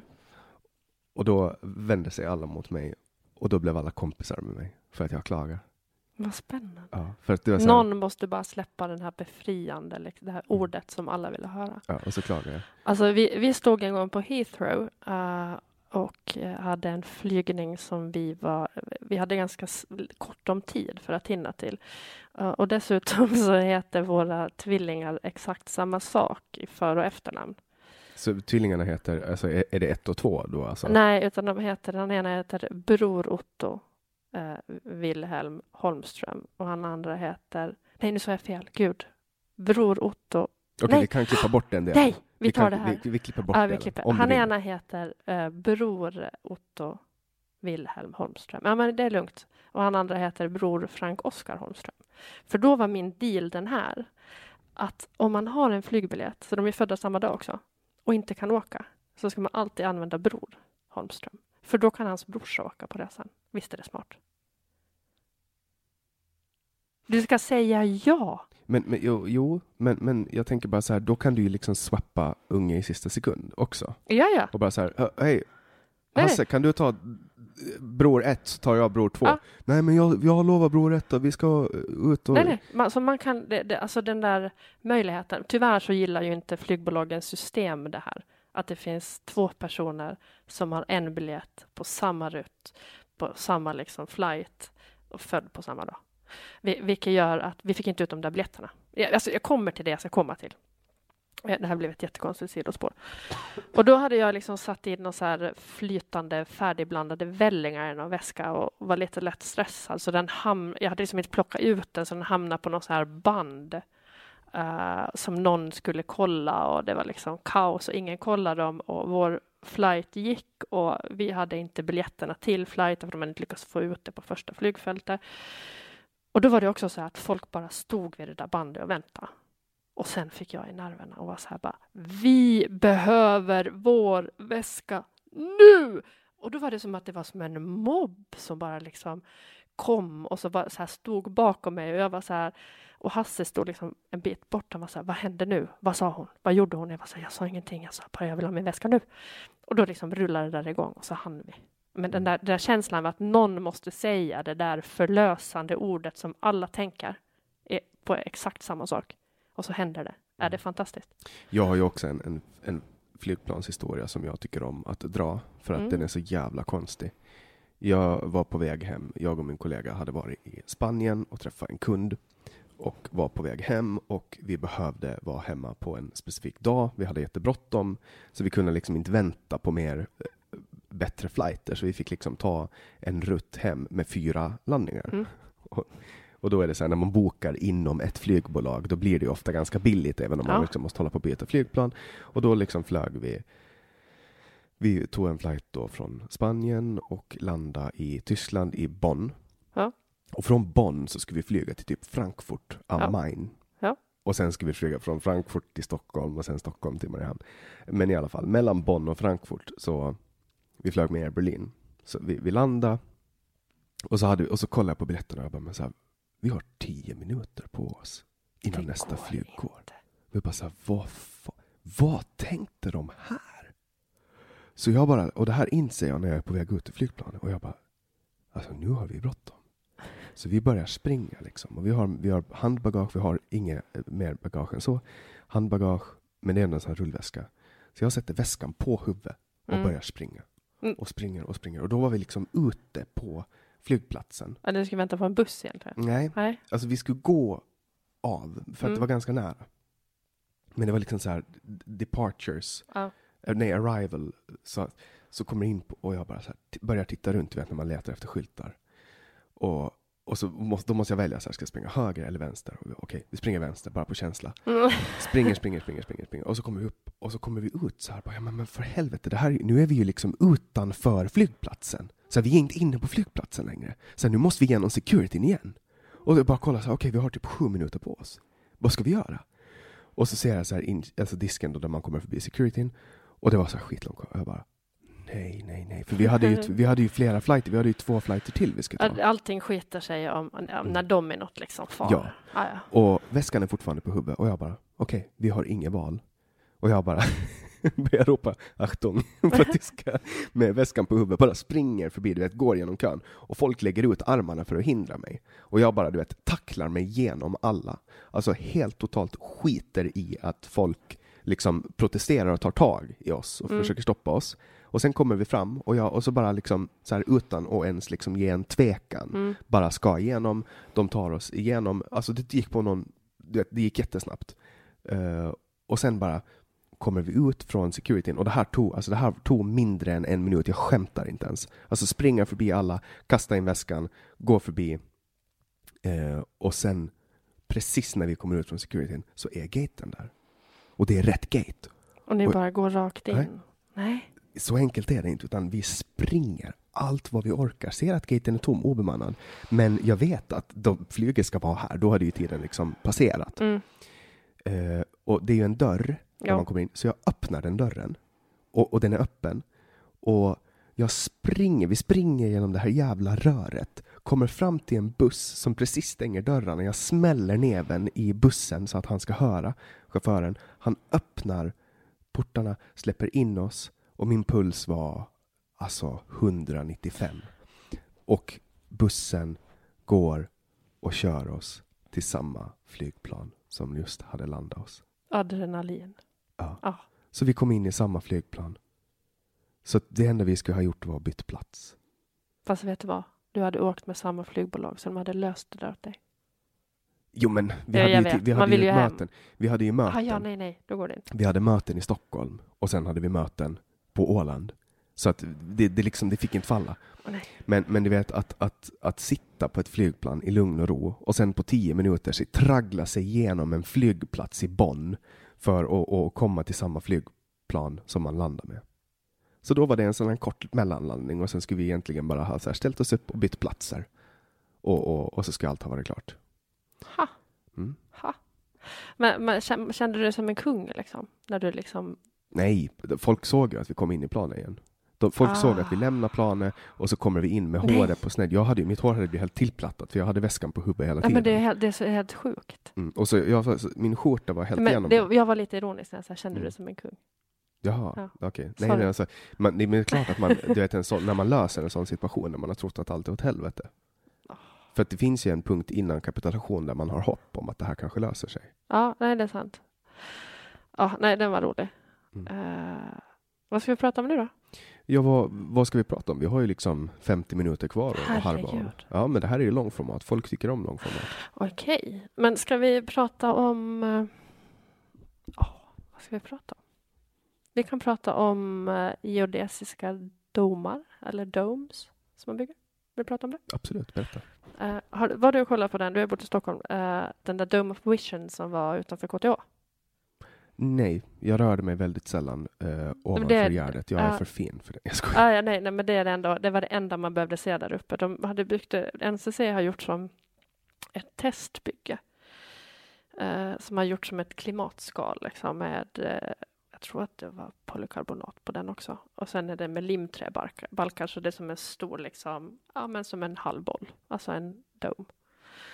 Jag bodde ju däremot eh, på Skanstull och då såg jag ju Globen hela tiden. Ja, fast tänk dig halva Globen och sen bygger du ett litet hus inuti halva Globen. Och det, och, det, är här- och det här är liksom för att på något sätt bygga Mars eh, Nej, boen, eller? utan de, de, gjorde, de gjorde det som, de tog liksom, de, de gjorde, de tog prover och liksom eh, försökte hitta och se liksom, hur mycket energi går det åt för att värma det här och energibesparingar och så vidare. Ett, ett sånt ska vi bygga. Var då? På gården? Nej, eh, vi har första liksom delen klar. Nu är det bara resten kvar. Eh, det ska, först ska det bli ett på, på ett ställe eh, på Åland som ska bli, fungera som ett konferenscenter. Och var ska ni göra det här? Nej, det är på ett ställe på Åland. Okej, det är alltså ja, hemligt. ja, nej, det är det inte. Men jag tänker inte prata om vad det ska vara. Eh, för jag vet inte om jag kan göra det. Men det här är ditt och Hasses projekt? Det, det är, alltså alla tycker att det är Hasses projekt, men det, han, han drar det mest. Liksom. Eh, så nu, ska- nu ska det liksom, man måste fräsa ut de här plastdelarna. Liksom. Och så får man fortsätta. Det, alltså det är helt sjukt coolt. Så nu Men har vi vad, varit- vad är funktionen? Jag Alltså funktionen är att du, du behöver liksom, du behöver ju inte, om du har ett litet hus inne i det här liksom skalet så behöver du liksom inte ha treglasfönster och energideklarationer med isolering och Ja, man skapar Ja, liksom utan ett, man skapar det liksom i det, som en stor vinterträdgård i princip. Mm. För du, du, du klarar av att hålla det varmt. Så när du kommer ut på vintern ur det här lilla huset Mm. så, så kommer du att ha en gräsmatta typ Ja, jag, man kan ju odla liksom. På vintern? Ja, För- inte, alltså det beror lite på ljusmängden. Om du skulle tillsätta mera ljus så då hade du kunnat gjort det. Men, men du måste liksom räkna på om det är vettigt. Så då Alltså, när du kör in din Tesla i den här domen Nej, så... nu ska inte in bilen där. är du? Men hur stor kommer den att vara? Det beror väl på hur stor man bygger den. Men för, alltså, för jag menar, jag tänker att man ska bygga så stort att man kan gå ut på gården och ja, men det lugnt. ska man kunna göra. Alltså det ska ju bli som en, en gård. Så det är liksom lite som i, har du sett Svampbob Fyrkant avsnittet? Jag har sett När några. de, för då har de ju, det, då är det någon, ut- nej, men någon, någon så här ovanjordsvarelse som Svampbob blir kompis med. Som Aha. har en dom under vattnet som de går in i och då är det ju en gård. Det kanske det är. Men jag, jag, jag, jag slapp svampbob alltså. Svampbob är ju, alltså jag älskar Svampbob. alltså. Jag har ju genomlidit allt från Teletubbies till... eh, jag slapp Babblarna också, alltså de blev Ja, för slapp, gamla. och, och du slapp Greta Gris. Nej, Greta Gris, ja, det, det Peppa Pig heter hon ju då, för våra barn har ju kollat Youtube, så det har varit mycket Peppa Pig. Kan de engelska? Eh, nej, eh, nej det kan de inte. Men, men de snappar upp ganska mycket grejer. Eh, de har i alla fall vett att säga liksom, how you doing? Typ. Mm. Ja. För grejen med Svampbob är att där finns en inbunden samhällskritik som jag älskar. Som, som gör att, att det, även vuxna kan njuta av det. Ah, Och det, det är liksom, det är så här, jag kan helt på riktigt sätta på ett avsnitt Svampbob och kolla på det. För att det är liksom, för vuxna så är det humor, eh, med ett inslag av samhällskritik. Och för barn så är det underhållande. Alltså det där, det är en konst att kunna göra det där. Att du gör ett program i flera nivåer för olika målgrupper. Eh, det, det, där, det där skulle, alltså det finns många som skulle ha pris för det. Mm. Eh, får jag bryta in om det här när- när man gör saker för olika målgrupper? Absolut. Eh, jag har aldrig skrattat så mycket som för ah, fyra, fem, fem år sedan. Så hade de tagit in eh, en sån här komiker på Rosella. Alltså helt otippat. Och det, det, de lockade med att det var liksom för barnen någonting roligt. Liksom. Och den här killen var otroligt roande. Alltså jag skrattade så att jag vet, inte vad jag ska göra. Ungarna fa- fattade på ett sätt. Och, vi, och de vuxna förstod ju skämtet. Alltså det riktiga, alltså jag vet inte vilket som var det riktiga skämtet. Det var ju gjort för barn. Eh, han var helt fantastisk. Jag höll på att försöka googla runt på vad han hette, för jag tänkte att ska jag någon gång ha en födelsedagsfest? eh, så tänker jag att det är kanske jobbigt ibland att säga så här, "Ah, bara, men den här gången är de bara de vuxna som är välkomna. Och så ska man liksom bjuda både barn och, och vuxna, så skulle man kunna ta in han här och så skulle han göra ett underverk. Mm. Eh, han var fantastisk. Men det är svamp och fyrkant. Jag har, aldrig, jag har faktiskt inte sett så många avsnitt att kunna säga att, att det är på samma sätt. Nej, men det finns, det finns ju den här filmen också, jag tror den finns på Netflix, eh, med Skalstan. När, när Svampbob eh, åker liksom på en resa genom Skalstan för att hitta eh, kungakrona typ, som har försvunnit. Och då är det så här, alltså de har så här motorcykelknuttar med och typ barn uppfattar det på ett helt annat sätt och vi förstår den här kopplingen till gängkriminalitet och förstår varför det är roligt och sen alltså det, det finns så många grejer, alltså verkligen kolla på det. Ja, jag ska göra det, eh, även fast jag just nu... Ja, kanske mina barn också faktiskt gillar Nej men säg så här, nu ska vi kolla på film och så njuter du av det tillsammans. Fast, fast det här med, med eh, politik i barnprogram liksom, har ju varit ett föremål i omgångar, till exempel Ja, Vilse när i pannkakan och när alla. Socialdemokraterna hade regering Ja, eh, nej, men alltså det, det är ju faktiskt lite spännande att man, man ändå vågar sig på det någon gång. Jag tycker att fast- det är helt fast- sinnessjukt. Ja, fast, fast jag tror att det finns politik i, i saker idag också som vi kanske inte ser idag. Men, men retroperspektivet öppnar ju liksom dörrar i ett Proble- senare skede. Problemet med, med Sverige är ju att man för social, den socialdemokratiska statsreligionen vidare Mm. till barn. Och jag ser det här som Där har ju skadligt. LO haft otroligt mycket makt. Tyvärr. Ja, LO är ju en, en, det är ju en, en, en maffiagäng liksom. Ja alltså, fast jag, jag är lite så här, jag är tudelad till det här med fack. Eh, jag tror ändå att de kanske behövs. Men De kanske, behövs, men LO är men, inte ett fack. Nej, det är de inte. Inte på samma sätt. LO är en maktstruktur Det- som en- Socialdemokraterna har byggt för att få makt. Men, men de är ju fortfarande ett fack. Det ska vi komma Ja, ihåg. ett fack Alltså, för fack. Ja, det, så ska man kunna säga. Men, men jag tycker ändå att det, det, det ska finnas någonting som man som arbetstagare ska kunna luta sig tillbaks på om man behöver hjälp. Såg du LOs valfilm inför svenska valet? Hur gick den? Alltså det var så här ett gäng människor, arbetare som satt så här vid ett konferensbord och så sa ena så här, alltså Moderaterna vill förstöra ekonomin. Ja, men det, Alltså mm. sådana grejer. Ja, men det där tycker jag blir jättekonstigt. Jag menar... Ja, nej. Och, och sen, sen så här, de vill, de vill avveckla arbetsmarknaden. Sådana saker sa de. Och det är så här, det är så ideologiskt så att man blir spyfärdig.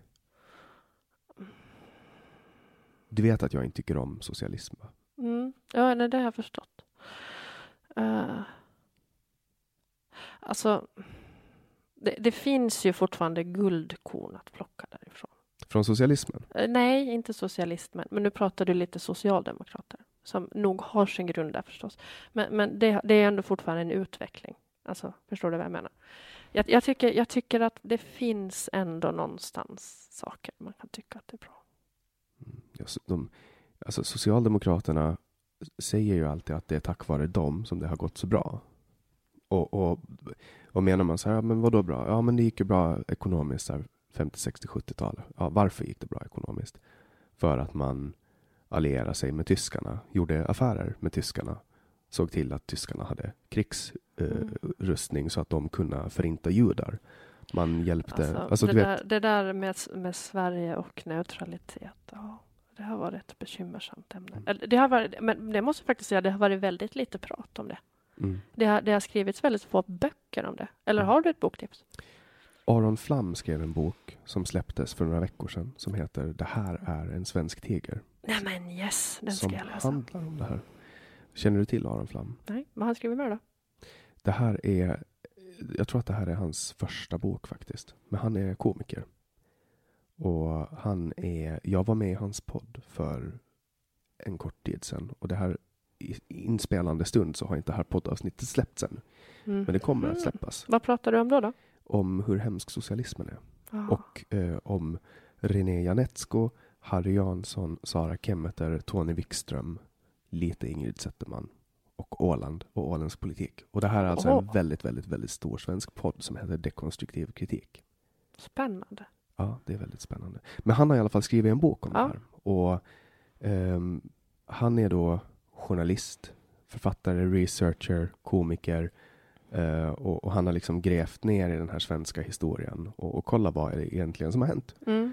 Och där har han bland annat gjort avslöjanden om guld, alltså plundrat guld, där man har plundrat guld från judar och så har man liksom sålt till Sverige. Eller man har, man har bytt det till Sverige. Så att Sverige har haft väldigt, väldigt mycket guld som nazister har tagit av judar. Och, och det har man förvarat i Sverige och använt i Sverige. Och, och det är liksom socialdemokratin växte ju och blev väldigt, alltså Sverige var ju väldigt eh, ekonomiskt framgångsrikt efter kriget. Och det är ju Mm. klart, vi hade inga, eller vi, Sverige, jag kommer ju, min släkt är ju svensk, men Mm. Sverige hade ju inga sönderbombade fabriker. Nej, de hade ju inte. De var ju de, det fanns ju fabriker kvar där som kunde producera någonting förstås. Så är det. Och inga krigsskadestånd eller någonting. Men, men, men jag ställer mig mycket kritisk till att, och sen säger folk så här, ja men eh, det är Socialdemokraterna som har kommit fram med åtta timmars arbetsdag. Jag tror att det är det allmänna kollektiva samvetet som har gjort det. Jag tror inte att, att man kan peka på Socialdemokraterna för det. Jag tror att det är människans naturliga instinkt till att sträva efter uppfinningsrikedom. Och- Fast, fast jag, alltså jag, jag, blir, jag är lite fascinerad. Alltså, för du, du, jag, jag känner ju att du har verkligen en, en genuin ilska. Liksom.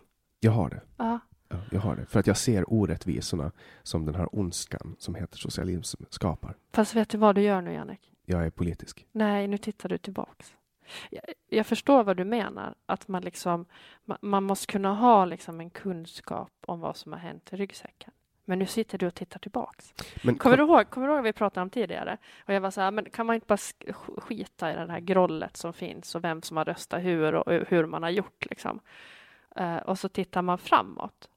Men jag Ja. ser en viss fara med det. Det är ungefär som att, Mm, det är jo, ungefär som att nej, jag nej. skulle föreslå nazism på Nej, nytt. nej, nej. Man, det är det jag säger. Man måste kunna sin historia. Mm. Eller hur? Det fattar jag. Ja. Men, men jag, tror att, jag tror att du grottar ner det lite mycket det här. Kan vara. Ja, jag vet inte. Men det är ju för att, det är för att jag kämpar ju med, med jag kämpar, jag är väldigt ideologisk av mig. Och jag ser hur man vill göra samma misstag igen.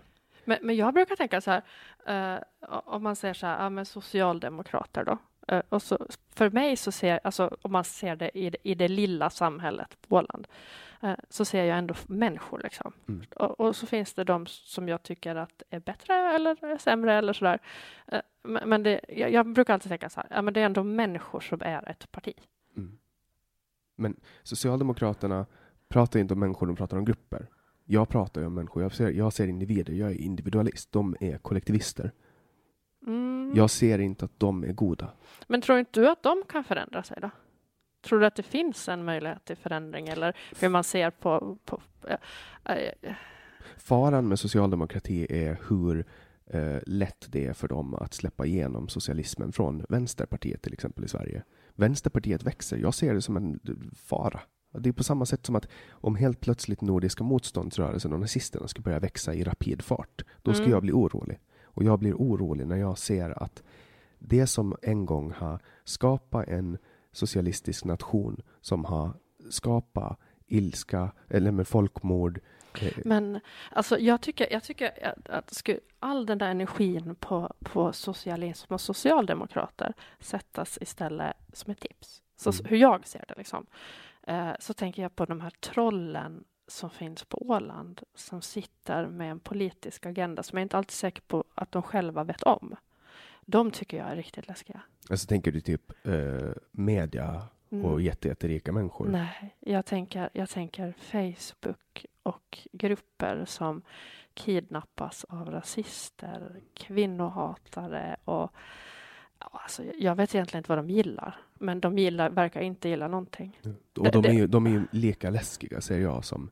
Alltså jag ser ju hot från alla håll. Eh, men jag, jag känner så här, eh, i så fall skulle jag hellre prioritera hotet, alltså på riktigt. Eh, för, för dem, alltså ur ett demokratiskt perspektiv så är de ett jättestort hot. Och jag tror inte de själva riktigt förstår det. Men jag, jag tror att vi har gått tillväga på fel sätt. Alltså folk ser ju mig som eh, Folk brukar ah, försöka anklaga mig för att vara eh, en del av rasisthögern. För att jag, Rasisthögern? ja, Rasisthögern? ja, Okej, utveckla för det fattar jag inte alls. rasisthögern. Alltså det finns ju, det finns ju högermänniskor Mm. som är individualister Ja, ja. Och, och tror på frihet. Och sen finns det högermänniskor som är liksom eh, den ständiga konflikten mellan eh, alltså, ja men SD. Mm. Det är ju rasisthögern. Det är ju ett, det är ju ett, eh, ett Mm. skällsord, Ja, om du förstår vad jag menar. Ja. Det, det, är inget, det, är inte ord, det är inte ett ord som jag för mig med, utan eh, det är ett skällsord. Men folk ser mig som att jag flörtar med dem för att flera har varit med i den här podden som folk tycker att är rasister. ah, ja, ja. Alltså det är att du har låtit dem komma till tals? Ja. Och jag tror att det enda sättet att avpolarisera klimatet, jag tror att för att nu har vi testat isolera människor med Mm. avvikande åsikter. Och det har inte funkat, utan det har bara gett dem mera makt.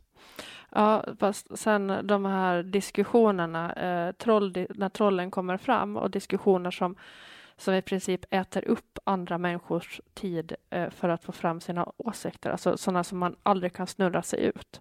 Så, att, så att det är så här, eh, när det kommer till sociala medier så tror jag att det är jättedumt att mata trollen. Absolut. Det, det, det är jag helt övertygad om.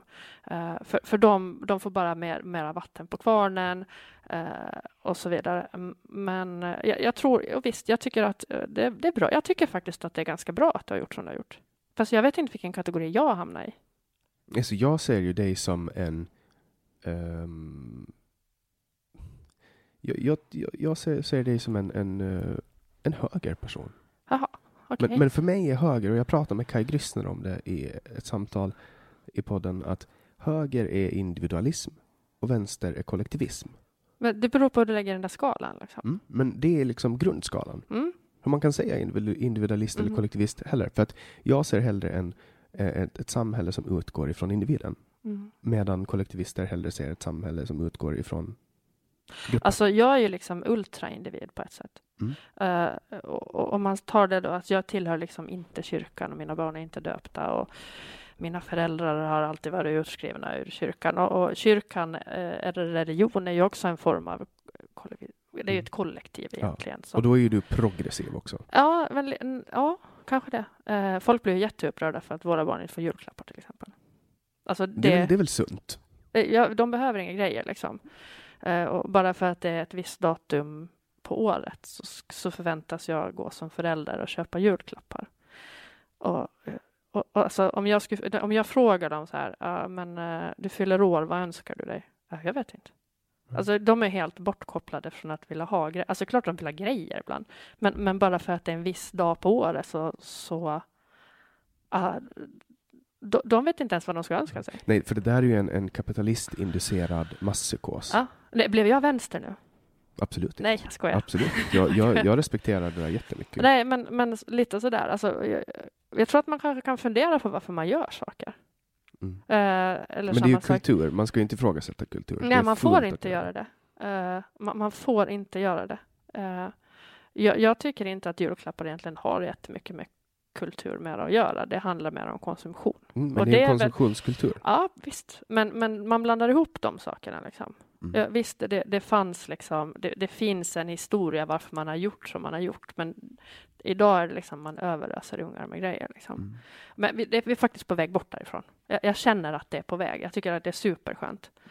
Uh, att man, Ja, men sen, sen tror jag vi också går mot mera kvalitet snarare än kvantitet. För Mm. när jag var liten, då var ju det kvantitetstänket på julklappar. Då skulle det vara mycket julklappar, stora paket, förpackningar. Du vet ju hur stora plastförpackningarna var. Så här, en en gubbe lika stor vet. som ett saltkar som var i ett paket lika stort som en skolåda. ja, nej.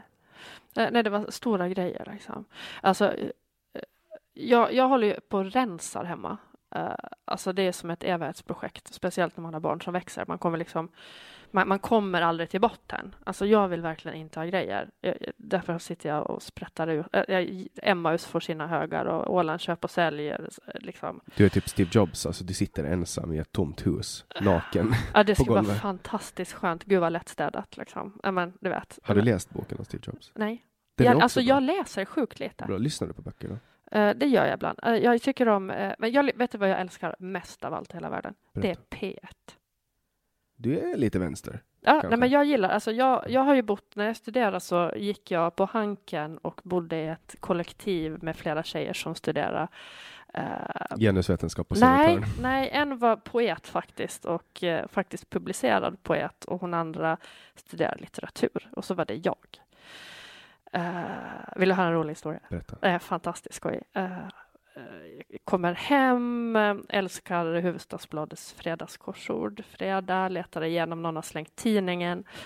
Letar efter Kurt Husmans korsord. Hittar den tillsammans med en check på rätt många tusen danska kronor. Och jag var så här, alltså, vem har slängt en check i pappersinsamlingen? Och så var jag så här, okej, okay, danska kronor, var det en bokmässa? Ja, så var jag så här, Katarina, har du fått betalt för ditt jobb på bokmässan? Nej. Hä? Uh, hur skulle de betala då? Det visste hon inte. Så jag sa att det ligger en check på rätt många tusen danska kronor i pappersinsamlingen. Det kanske är din, va? Ja, ja, ja, men jag tänkte att jag visste inte riktigt vad jag skulle göra med den där och så, så jag slängde den med kuvertet. Jag var så okej, okay, det här är liksom som pengar. Du går in och löser in den här på banken. Och det var så här, tur att vi bor med någon som studerar ekonomi.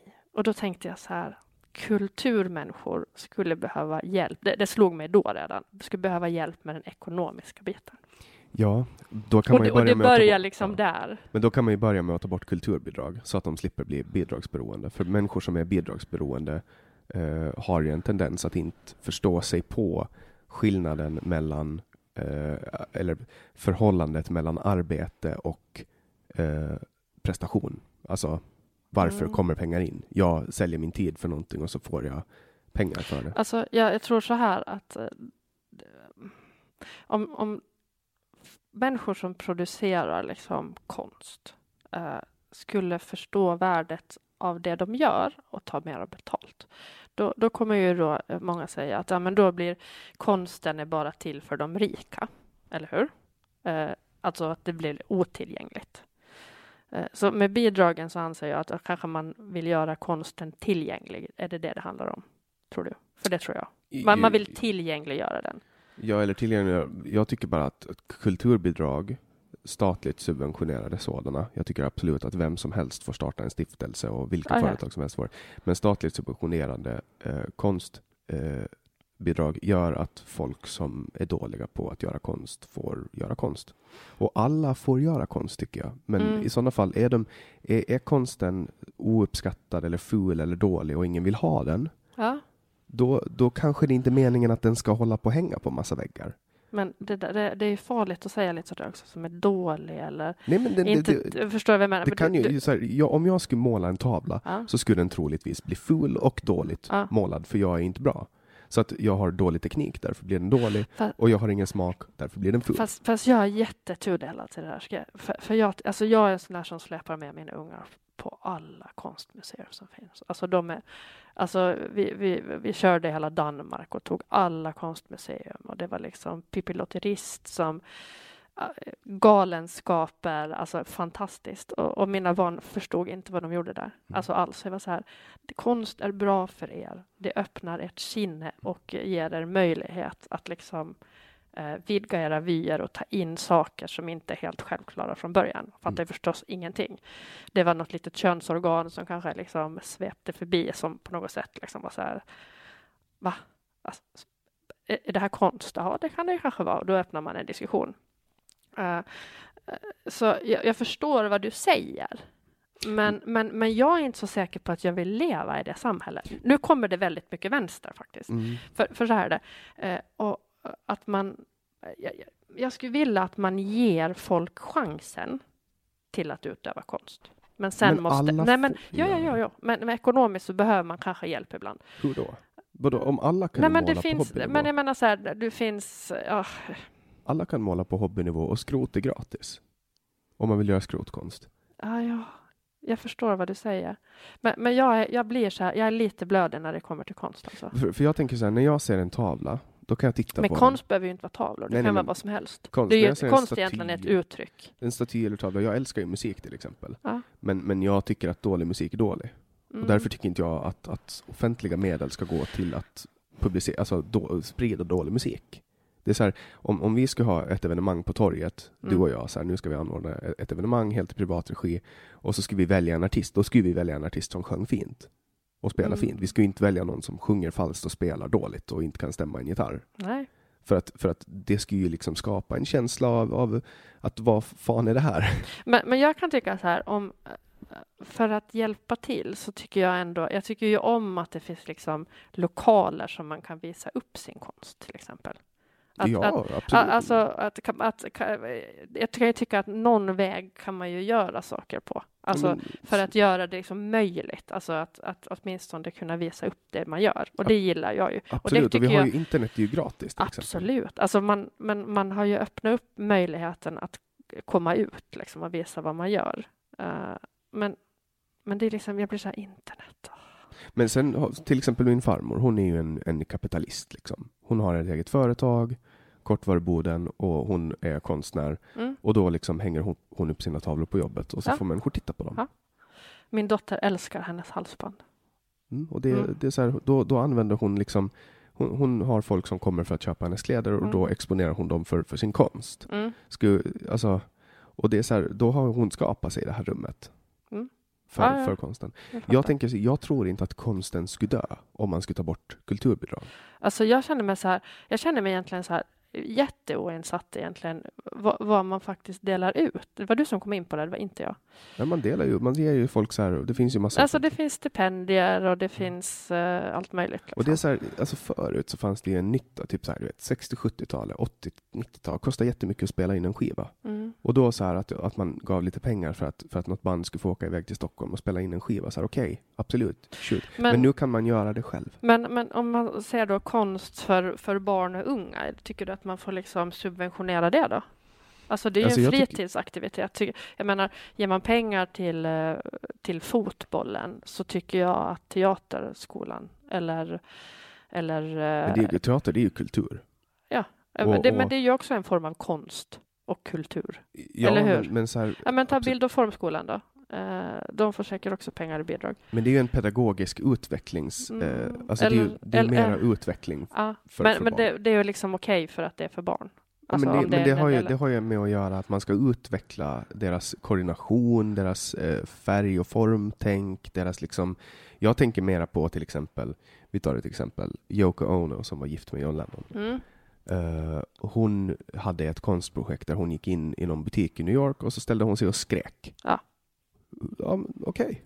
Så här, folk kom dit och tittade på henne för att hon har varit ihop med John Lennon.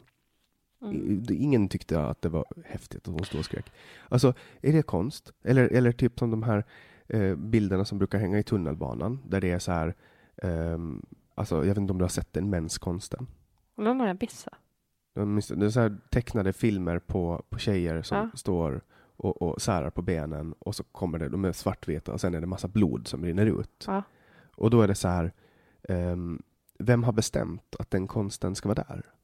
Varför är Men, det där? men jag, alltså jag lyssnade eh, på P1 och, och då handlade det om att man ville ta bort eh, konst av en konstnär som, som, som på något sätt inte föll eh, de som satt i rummet, alltså politikerna, i smaken.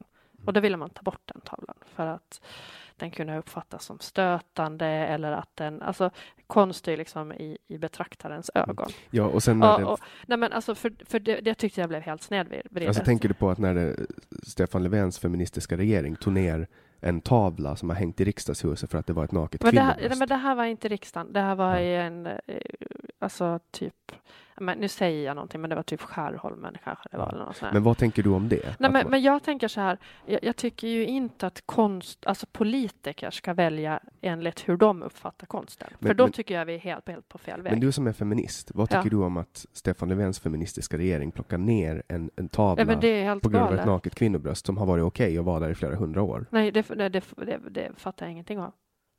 Alltså det- det är ju en del av en kropp liksom. Mm. Och, och om vi tar då det här med att man tog bort uh, ur Pippi-böckerna, uh, pappa, alltså pappan Ja, och han hans som, prefix. Vågar jag säga det? vad var hans prefix? Negerkung. Ja, negerkung i Söderhavet. Ja. Alltså, eh, Polen köp och sälj för ett par år sedan, apropå, apropå eh, prefixet. Så eh, nidkonst till exempel, eh, var man eh, eh, använder sig av stora läppar och stora öron och stora Karik- smycken. karikatyr. Ja. Eh, så var det en eh, textilier som var inramad. Eh, Det var en ganska känd textilkonstnär som hade gjort liksom på inuiter eller då, som det då hette, eskimåer. Får man inte säga Eskimo? Nej, jag tror inte. Nej, det är inuiter nog. Och den här tavlan var till försäljning och folk var liksom helt galna i den här tråden. Och du vet, den här borde kastas och du vet det ena med det andra. Och, alltså det var 65 kommentarer och det här borde anmälas. Så var det administratören. Och så var jag bara så här, köper. Så, nu är problemet borta. Vad gjorde du med den? Den står i en garderob hemma hos mig. Och den har stått på samma plats sedan jag köpte den. Kan inte du försöka sälja den nu och se vad som händer? Nej, för jag förstår, jag, jag förstår ändå de människorna som tycker att man inte säljer sånt här. Och, eh, och du vet, och, och, och liksom blir stötta och tycker att det är jobbigt och, och känner sig kränkta. Jag förstår faktiskt det. Men köp den då. Men säg inte att andra ska slänga bort den. Köp den. Och släng bort Så, den. nej, släng bort den. Köp den och släng Mm. bort den. Och jag, jag hade kunnat slänga bort den, men alltså mitt problem är att någon har liksom skapat den där eh, under en period när man såg på människor på det sättet. Alltså det är liksom, det är någon form av historia i det, även Men- fast man inte gillar den. Liksom. Nej men och sen var det ju också så här, antisemitism har ju alltid varit, det har ju alltid varit eh, liksom en grej. Ja, Och, och så var det ju den här karikatyren av en, en jude eh, Ja. som var med i Kalanka. mm, Och så var det väl också någon så här karikatyr av mörkhyade mm, som var med. Eh, och då var det ju kulturellt okej att Ja. uttrycka sig på det sättet.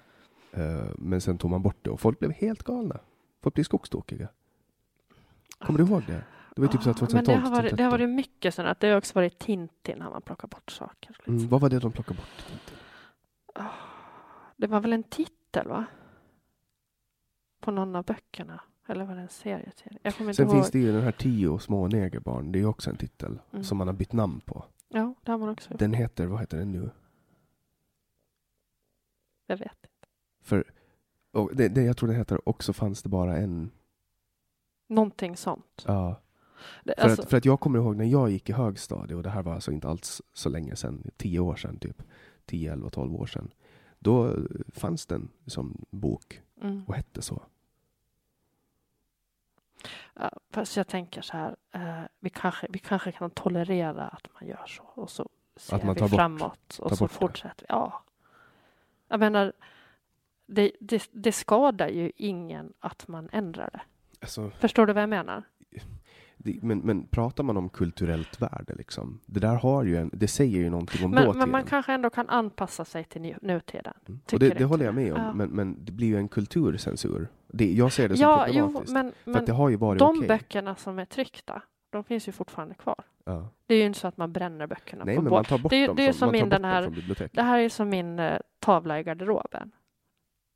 Alltså den står ju där, jag har den inte på väggen. Liksom. Jo, men tar man bort dem från biblioteken, då är det ju inte bra. Nej, fast det, det är inte jättemånga som lånar böcker från biblioteket. Nej, det är sant. Det är sant. Utan folk har ju köpt böckerna, så är de i någon eh, hylla eller något sånt. Men, men jag tror att de där kommer kunna få ett samlarvärde. Mm. Du höjer ju liksom värdet på dem när man gör så. För det som jag tycker också är så här, när det kommer till eh, censur av tankar och åsikter, så, så var det en grej som hände i Sverige för var det två, tre år sedan. När man gick ut med, alltså att Expressen gick otroligt hårt Mm. på att Google är nazister. För att på Youtube så kan man hitta textade tal av Hitler. Mm. För Och- det finns ju på nätet. Det finns på nätet. Och så här, Youtube är ju så här, vem som helst får ladda upp saker och Google är så här, vem Ja. som helst får göra en sökning. Och Ja. då var man alltså då, men det roliga var att Bonnier, Mm. som äger, ehm, som äger Expressen, de sålde Mein Kampf via Adlibris, som de jobbar med. Vad är skillnaden? Det är väl ingen skillnad? Så- Nej men alltså, jag menar det som finns på nätet, eh, det finns ju på nätet, eller hur? Mm. Eh, Ja. Och jag menar, där, man skulle kunna, kunna hitta Mein Kampf på nätet, eller hur? Ja. Ja. Men, men för, förstår du vilken Jo, jo, konstig grej det blir? Att Expressen går men, på. Alltså, men för grejen, alltså att censurera, cen- censurera, censurera internet, det är ingen bra idé alls. Du vet eh. vad som hände med den här podden när vi blev censurerade? Nej. Det- Jag har ju, eh, okej, så här, vi laddade upp ett avsnitt Ja. med René Janetsko. Ja. Och, Ja, och där pratade han om vad som hände med Socialdemokraterna när han var med där. Så. Mm. Och det var så här ganska impopulär information. Ja. Och då var en- en grupp, jag vet inte vem det var, om det var en grupp feminister eller om det var en grupp socialdemokrater eller om det var allmänhet, människor som var arga, men som anmälde avsnittet på Spotify. Okej, så- ja men det såg jag. Ja, det är sant. Men var det det avsnittet? Ja, det var det avsnittet. Och men det pratar du också väldigt mycket om socialdemokrater och socialism i det programmet? För jag har inte, jag har inte hört på René. Ja, men det, ja, vi pratar ju en del om Ja. det. Absolut. Jag pratar alltid om, om det största hotet jag ser i samhället. Okej. Förutom nazismen. Nej, men eh, skämt åsido. Men, men det, hände, det som hände när vi blev deplattformerade var ju att det blev ju det mest populära avsnittet. Ja förstås. För, för det som inte är tillgängligt vill man ha. Ja. Ah, ja, det, det är liksom det var ju helt fel tänkt liksom. Och det är, där, det är ju det som händer när man internetcensurerar. Att, att folk, man, man ger folk makt. Man, man gör det för att man, jag vill inte att de här tankarna ska finnas. Vi tar bort dem. Och då undrar folk varför vill de ta bort tankarna? Alltså det är ungefär som att man ska aldrig plocka bort ett inlägg på Facebook. Ja, jag vet inte. Alltså eh, för, för att eh, man tillåter folk att säga någonting. Ja. Alltså ta, så, och sen väljer man liksom att säga att ja, men det där, så där får du inte skriva. Mm. Det är jättetråkigt. Alltså, tänker du att ta bort folks kommentarer? Ja, det, det blir jättetråkigt. Mm. Eh, För, men har alltså, du märkt att Facebook har börjat eh, dölja? eh, jo, jag För det, det har hänt, det, det har hänt nyligen. men, men jag tror att det där är ett problem. Alltså för, vem är det som bestämmer liksom någonstans? nu är det ju någon dator som bestämmer. Ja, jag vet. Det är jättefarligt. För att jag har så här, jag lägger kommentarer och så får jag inget svar. Och så undrar man varför. Och jag ser kommentarerna men andra ser inte kommentarerna. Nej, jag vet. Och samma folk Det som... där är jätteskumt. För, för, alltså, jag, någon gång har jag tänkt så här, har den här personen blockat mig? Mm. Va? Men varför, varför har den här personen blockat mig? Det, det är sant, det är jättekonstigt. För, för det där är också en, en grej liksom att man, Facebook berättar inte när de har dolt en kommentar. Nej. Det är liksom så här, den borde ju åtminstone säga vi har dolt en kommentar åt dig. Men jag kan också säga så här flera dagar efter att det står så här, den här kommentaren har dolts. Och så avdöljer jag den och då kan jag läsa vad det står. Men det är ju också samma sak, liksom att halvnakna eller nästan i princip helnakna, snygga, eh, eller snygga, jag vet inte om de är snyggare än någon annan, men väldigt smala kvinnliga kroppar. Med, det är liksom med någon så här borat bikini, det är helt okej. Men alltså om det är en, en kvinnokropp som de flesta ser ut, så då bara plockar de bort dem för att det är liksom det är kurva, fett, hud och... Det har ju med klick att göra. Ja, jag vet, men, men Facebook vill ha det som är klickvänligt. Liksom. De Ja, jag vet. bra. Men, men vad är det då? Det är ju också censur. Liksom. Ja, en form. Det är ju alg- algoritmstyrd Ja, men jag censur. vet. Men det, är också, det blir ju censur. Absolut. Men ska vi liksom inte visa så, så saker faktiskt ser ut? Alltså hur mycket, ska vi bara kolla på redigerat? Liksom? Ska vi ha speglar när man klär av sig så här, så redigerar de färdigt? Men sen finns det ju också det här jätte, jätteskumma att det finns en del företag, en del politiska profiler som utan förklaringar blir blockerade från olika sajter. För att det finns teorier om att det finns liksom nätverk som, som, som styr, säg till exempel in på Facebook, att det finns ett nätverk av, av eh, vänstermänniskor som Men alltså det, det är det där som händer om man plockar bort kommentarer. Alltså det blir ju konspirationsteorier. Mm. Alltså när man gör censurer eller när någonting händer som, som inte liksom görs liksom öppet. Mm. Då, då, då börjar alla konspirationsteorier i hela världen att komma fram. Mm. Och det är där jag menar, man ska, liksom, man ska nog inte censurera grejer, utan man kanske bara ska låta det vara. Och så, jag menar förstås, om det liksom är på, alltså, alltså påhopp som är liksom på riktigt kränkande vad det faktiskt, ja, du vet, då kanske man plockar bort det liksom. Men jag tycker att, jag har ju haft, jag kan ju inte kommentera med min mobil till exempel. Varför inte? Det, det går inte. Jag kan inte kommentera saker. Alltså, Alltså, är det här efter någon ny uppdatering? nej, det, det har bara hänt för kanske två veckor sedan. Så kunde inte, och den säger så här, du kan inte längre kommentera det här inlägget eftersom väljaren, eller användaren tagit bort det. Och det är så här, sen från men det där- Alltså det där hade vi ju hemma, min sambo höll på att bli galen. Det gick inte att kommentera någonting. Och det har jag hela tiden. Och jag vet inte vad det är liksom som har hänt, om jag har liksom blivit flaggad eller om... Alltså jag tror att folk anmäler dig på något sätt. Ja, absolut, jag blir anmäld hela tiden. Folk anmäler mina annonser och folk... eh, är liksom, men det är för att jag syns mycket tror jag. Men, men det där blir också fel, liksom, om de plockar bort annonser för att det är många som blir störda på det. Men de tar ju bara bort dem om, om de inte följer ens policy. Men ja, men, de, men tar de inte bort dem och sen granskar de ibland då? Jo. Ja, och det är ju det som är problemet, då blir man liksom censurerad då av Facebook ett tag. Men jag har ju rätt åsikt enligt, enligt Facebook, eh, så jag har inga problem. Men jag vet folk som är långt till höger som, som inte får skriva på Facebook, som inte får annonsera. Och när de är i kontakt med, med agenter som jobbar på Facebook så säger de att det är inga problem, det är inga konstigheter, det finns ingen förklaring på det här. Eh, alltså, du kan göra det och sen kan de ändå inte göra det. Ja, spännande. Mm. Det visste jag inte. Nej, det finns. Och det är, men det är också så här, det kan ju vara lite shady människor som sprider lite så här halvunkna åsikter. Eh, men jag tycker fortfarande att man ska få göra det. Jag tycker inte att det är något problem med att människor sprider sina åsikter så länge man håller sig inom lagens Ja, nej, men de, de behöver ju förstås bli ifrågasatta någonstans också. Absolut. Så är det ju. Eh, och då behövs det ju liksom folk som har tid och ork.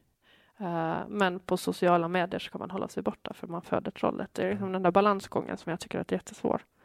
Och det är också en, det finns ett, ett eh, talesätt som heter brottas aldrig med en gris. Eh, grisen tycker att det är roligt, men ni båda blir smutsiga. Mm, så är det. Och, och det är så här, det är det, jag ser folk gå i de där fällorna. Jag, jag har ju på något sätt mycket genom, genom att ha, driva det här projektet med podden lärt mig hur jag ska göra för att inte bli påverkad av, av människors eh, provokativa sätt. Liksom. Mm. För att det finns ju folk som verkligen bara vill provocera. Alltså typ Bert Häggblom och Stefan Toivonen är ju väldigt provokativa i sitt sätt. Jag säger inte att de bara vill provocera, men mycket gör de som är provocerande. Men det där, alltså, det, det där blir en så här rolig kategorisering faktiskt. För att jag menar, man, man, man, man vill, alltså syftet är att eh, provocera. Nu tänker jag säga det här en gång till. Alltså det är mycket, alltså jag ställde upp på den här för att jag, tyck, jag tyckte det var ett spännande koncept och- jag hade egentligen ingen aning om vad jag skulle prata om. Och så har jag skrivit några stödord vad jag vill prata om och vi pratar inte alls om det. Eh, men, men det blir lite, jag, jag har aldrig varit och suttit i en soffa hos en psykolog. Men, men det känns lite på samma sätt. Mm. Alltså därför att du sitter där och så, så jag funderar många gånger på liksom, om hur du liksom vill styra konversationen, även fast du säger att du inte vill göra det. Och jag tror ändå att du har gjort det någonstans förstås. Du har några sådana inledande frågor när vi har fasta. Eh, men, men det är ett spännande grepp på Mm. riktigt. Och, och det, här, det funkar ju eh, precis som vi, vi, jag börjar med det här med att provocera och låta folk komma till tals. Men jag, jag, jag var så här, jag, jag, jag kan inte liksom sitta här och provocera för jag, jag kanske är provocerande i folks ögon. Eh, det är en sak liksom. Eh, men, men jag vill ju bara liksom förändra saker. Mm. Alltså det tror jag ju själv. Eh, kanske man måste göra det med att provocera, men att om man bara har åsikter och tyckande för att provocera, då är det inget förändringsarbete känner jag. provokation är ju också ett grepp för att, för att väcka känslor. Eller för att en få opinion. Folk, ja, för att få folk att sprida det är ju väldigt budskap. opinionsskapande, så är det ju. Ja. Men eh, jag, jag vet inte riktigt. För, för man vill ju liksom få folk att sprida ens budskap. Och det gjorde ju till exempel Stefan Toivonen när han gjorde det här utskicket. Ja. Eh, då, då, då Då, då han... ringde jag till posten och frågade om jag får det i lådan om det står ingen reklam, tack. Det var det första jag gjorde. Och vad sa de? Nej, nej det ska du inte få. Ja, Bra, tack. Fick du det ändå?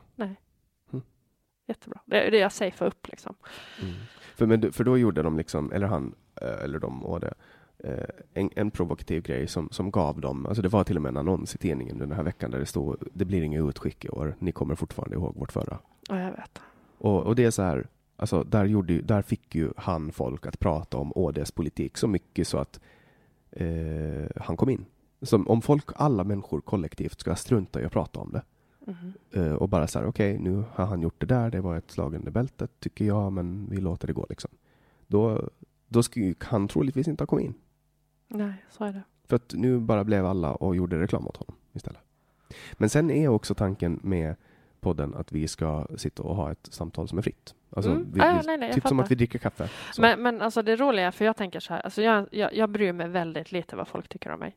Eh, och jag vet inte, det kanske är på gott och ont. Jag har en jättegod kompis till mig som eh, vi har konstaterat någon gång så att endera så gillar folk oss eller så hatar de oss. Och, och då vi har pratat jättemycket om det, vi är så här buffliga. Vi har, vi har inga så här känselspröt utåt och, och, och kanske kan ibland uppfattas som så lite hänsynslösa och, och så där, inte så, men så här medmänsklig. Eh, och jag vill vara medmänsklig, för jag är verkligen det. Men, men att man blir så här en bufflig människa. jag och- upplever det inte så. Nej, men jag, jag har trampat på många tår, ska du veta. Alltså när jag har sagt saker. I, i välmening, men, men inte kanske tänkt. Liksom. Jag kan relatera till det, men jag ser det inte Men, för jag umgås egentligen bara med människor som är väldigt buffliga. Alltså på riktigt. Mm. Alltså, det är liksom, mina barn är buffliga. Alltså, det är liksom... Jag är ganska bufflig, det är kanske därför jag inte ser det. Men det, men det är så, för du, jag tror att du, du ser inte där. Och du umgås säkert också med jättemycket buffliga människor. Jo, det gör jag. men, alltså, så här, eh, människor som tar plats och du vet, vill väl, men är som en så elefant i rummet flera gånger. Och så utan- blir det fel och så bara... Ja men glad, alltså du vet. Ja. Men, och, och sen, jag blir så här, jag tänker inte sitta och hålla på och släta över när jag sagt något dumt. Utan jag säger, jag sa det där. Ja, Jag menar inget illa liksom. Men Mm. jag säger ju det aldrig. Men, för jag, jag konstaterar ju inte ens att jag har gjort det alla gånger. Ja, det, det är spännande. Mm. Min sambo hatar mig för han, det är ingen vits att strida med mig. För jag bara tittar och så går jag till ett annat rum. Och han så bara, men du hör ju vad jag säger. Och jag så bara, ja, jag har hört, hört, hört. Tänk om jag skulle kunna vara så. När jag och Kajsa bråkar, då är det typ vi båda så här, eh, vi håller på att argumentera för vår sak tills en av oss brister. Och den som brister först förlorar. Alltså jag vet ju att jag, alltså ska jag börja argumentera med min sambo så skulle jag troligtvis förlora. Så att jag gör det som, jag vänder det här till min fördel. Det här med att han blir superprovocerad när jag bara liksom står i rummet, tittar man så här, noterat och så går jag därifrån. Jag hoppas att Kajsa hör det här samtalet.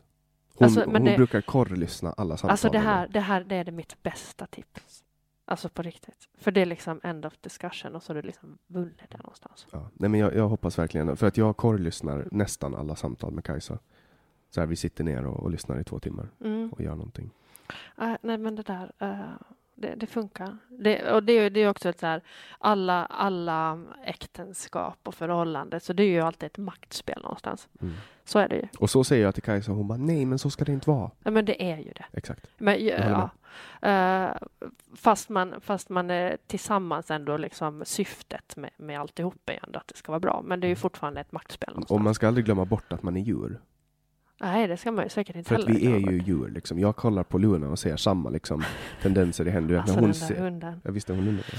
Men du vet när hon ser sin mat, då blir hon så här, hennes ögon spärras upp, hennes mun öppnas och sen så fort hon får tillgång till den så kastar hon sig över den. Och jag känner igen det beteendet liksom. Jag ser det beteendet och alltså också den här sprudlande glädjen när hon ser någonting. Du vet, hon ska få göra någonting och du vet, det här barnsliga eh, bara Men, lyckan. men alltså tänk om, om vi skulle vara med sådär, att vi liksom ser fram, en, eh, fram emot någonting och, och känner så här extrem glädje att få göra det. Jag tycker att, jag tycker att människor börjar bli ganska så här lite blasé över saker. Alltså att man inte, den där, den där att man väntar, och, eller det här är ett jättebra exempel, man väntar på någonting, man sparar liksom, man arbetar hårt och du vet, man ser fram emot någonting jättemycket och så vet man allting om den, den händelsen som ska hända. Liksom. Det där borde man göra mer åt sina barn. Mm. Alltså för den, att liksom hålla i den där glädjen. Det är därför man har jullov, påsklov, sommarlov och sånt. Ja, ja visst, men, men nu kanske inte jullov, påsklov och sommarlov är liksom drömmen för alla barn. Det kanske är bara ett helvete liksom, att Ja, vara hemma. Så att det ska man inte glömma bort. Nej. Eh, men, men att man har någonting att se fram emot. Mm. Det, det tror jag att det, vi skulle behöva i den här världen och den här tiden bli mycket bättre på det. Mm. Och liksom, det finns ett ord, uttryck som jag hatar, det är carpe diem. Ja, Ja, det, det, det, får mig att men det är dåligt. Men jag tror att grunden till det är att man ska vara i nuet liksom. Ja, inte... vi- visst, man ska leva i nuet, men man ska ändå ha saker att se fram emot. Någonting som man får längta efter. Liksom. mm. Det, det tycker jag är superviktigt. Jag tror att det stora andliga problemet blir att, att, att man, man ska vara i nuet och att se fram emot ett nu som är i framtiden är att se fram emot ett nu som inte sker nu. Ja. Och, och Men, men jag håller med dig. Alltså, vi ältar för mycket och, och ser framåt för lite. Mm, men, men det faktiskt, man, det, det finns så mycket liksom. Man, alltså, även fast man ser fram emot någonting så betyder det ju inte att man i nuet, liksom den där längtan till någonting annat längre fram kan vara en tillfredsställelse Ja, man, i lånar, sig. man lånar glädjen Ja, men lite så. Alltså man bygger upp den där glädjen och så har man den där glädjen någonstans hela tiden liksom på resan till målet. Lite så. Eh, Det är liksom, men säg inte carpe diem. Ja, och inte YOLO. Nej, nej, Mm. nej, lite så. Och det får bli de avslutande orden, för nu har vi på Yes, En det, minut, men snälla säg att det avslutande var carpe diem, mitt, mitt stora hat. Snälla, få det till det. Ja, vi, Ah. då, då, får du, då får du avsluta så att jag säger det jag brukar säga i slutet och sen får du säga carpe diem. Okej. Uh, för att vi lyckades åtminstone ägna en minut åt, åt den här andligheten och då tycker jag att vi avslutar med det. Men till dig som har lyssnat på det här samtalet så tackar vi och hoppas att du har haft det lika trevligt som vi har haft det. Om du vill höra andra avsnitt så hittar du dem på alla tillgängliga plattformar som finns som har podcasts. Men du hittar dem också på samtal.ax. Och eh, jag rekommenderar att du använder appen Acast därför att den är bäst och det här är inget betalt samarbete eller någonting utan jag tycker bara att den är bättre än andra podcastappar som jag har testat. Eh, producent för det här avsnittet var Didrik Svan. Jag heter Jannik Svensson och du har lyssnat på Säg vad du vill Åland. Carpe diem, ironiskt.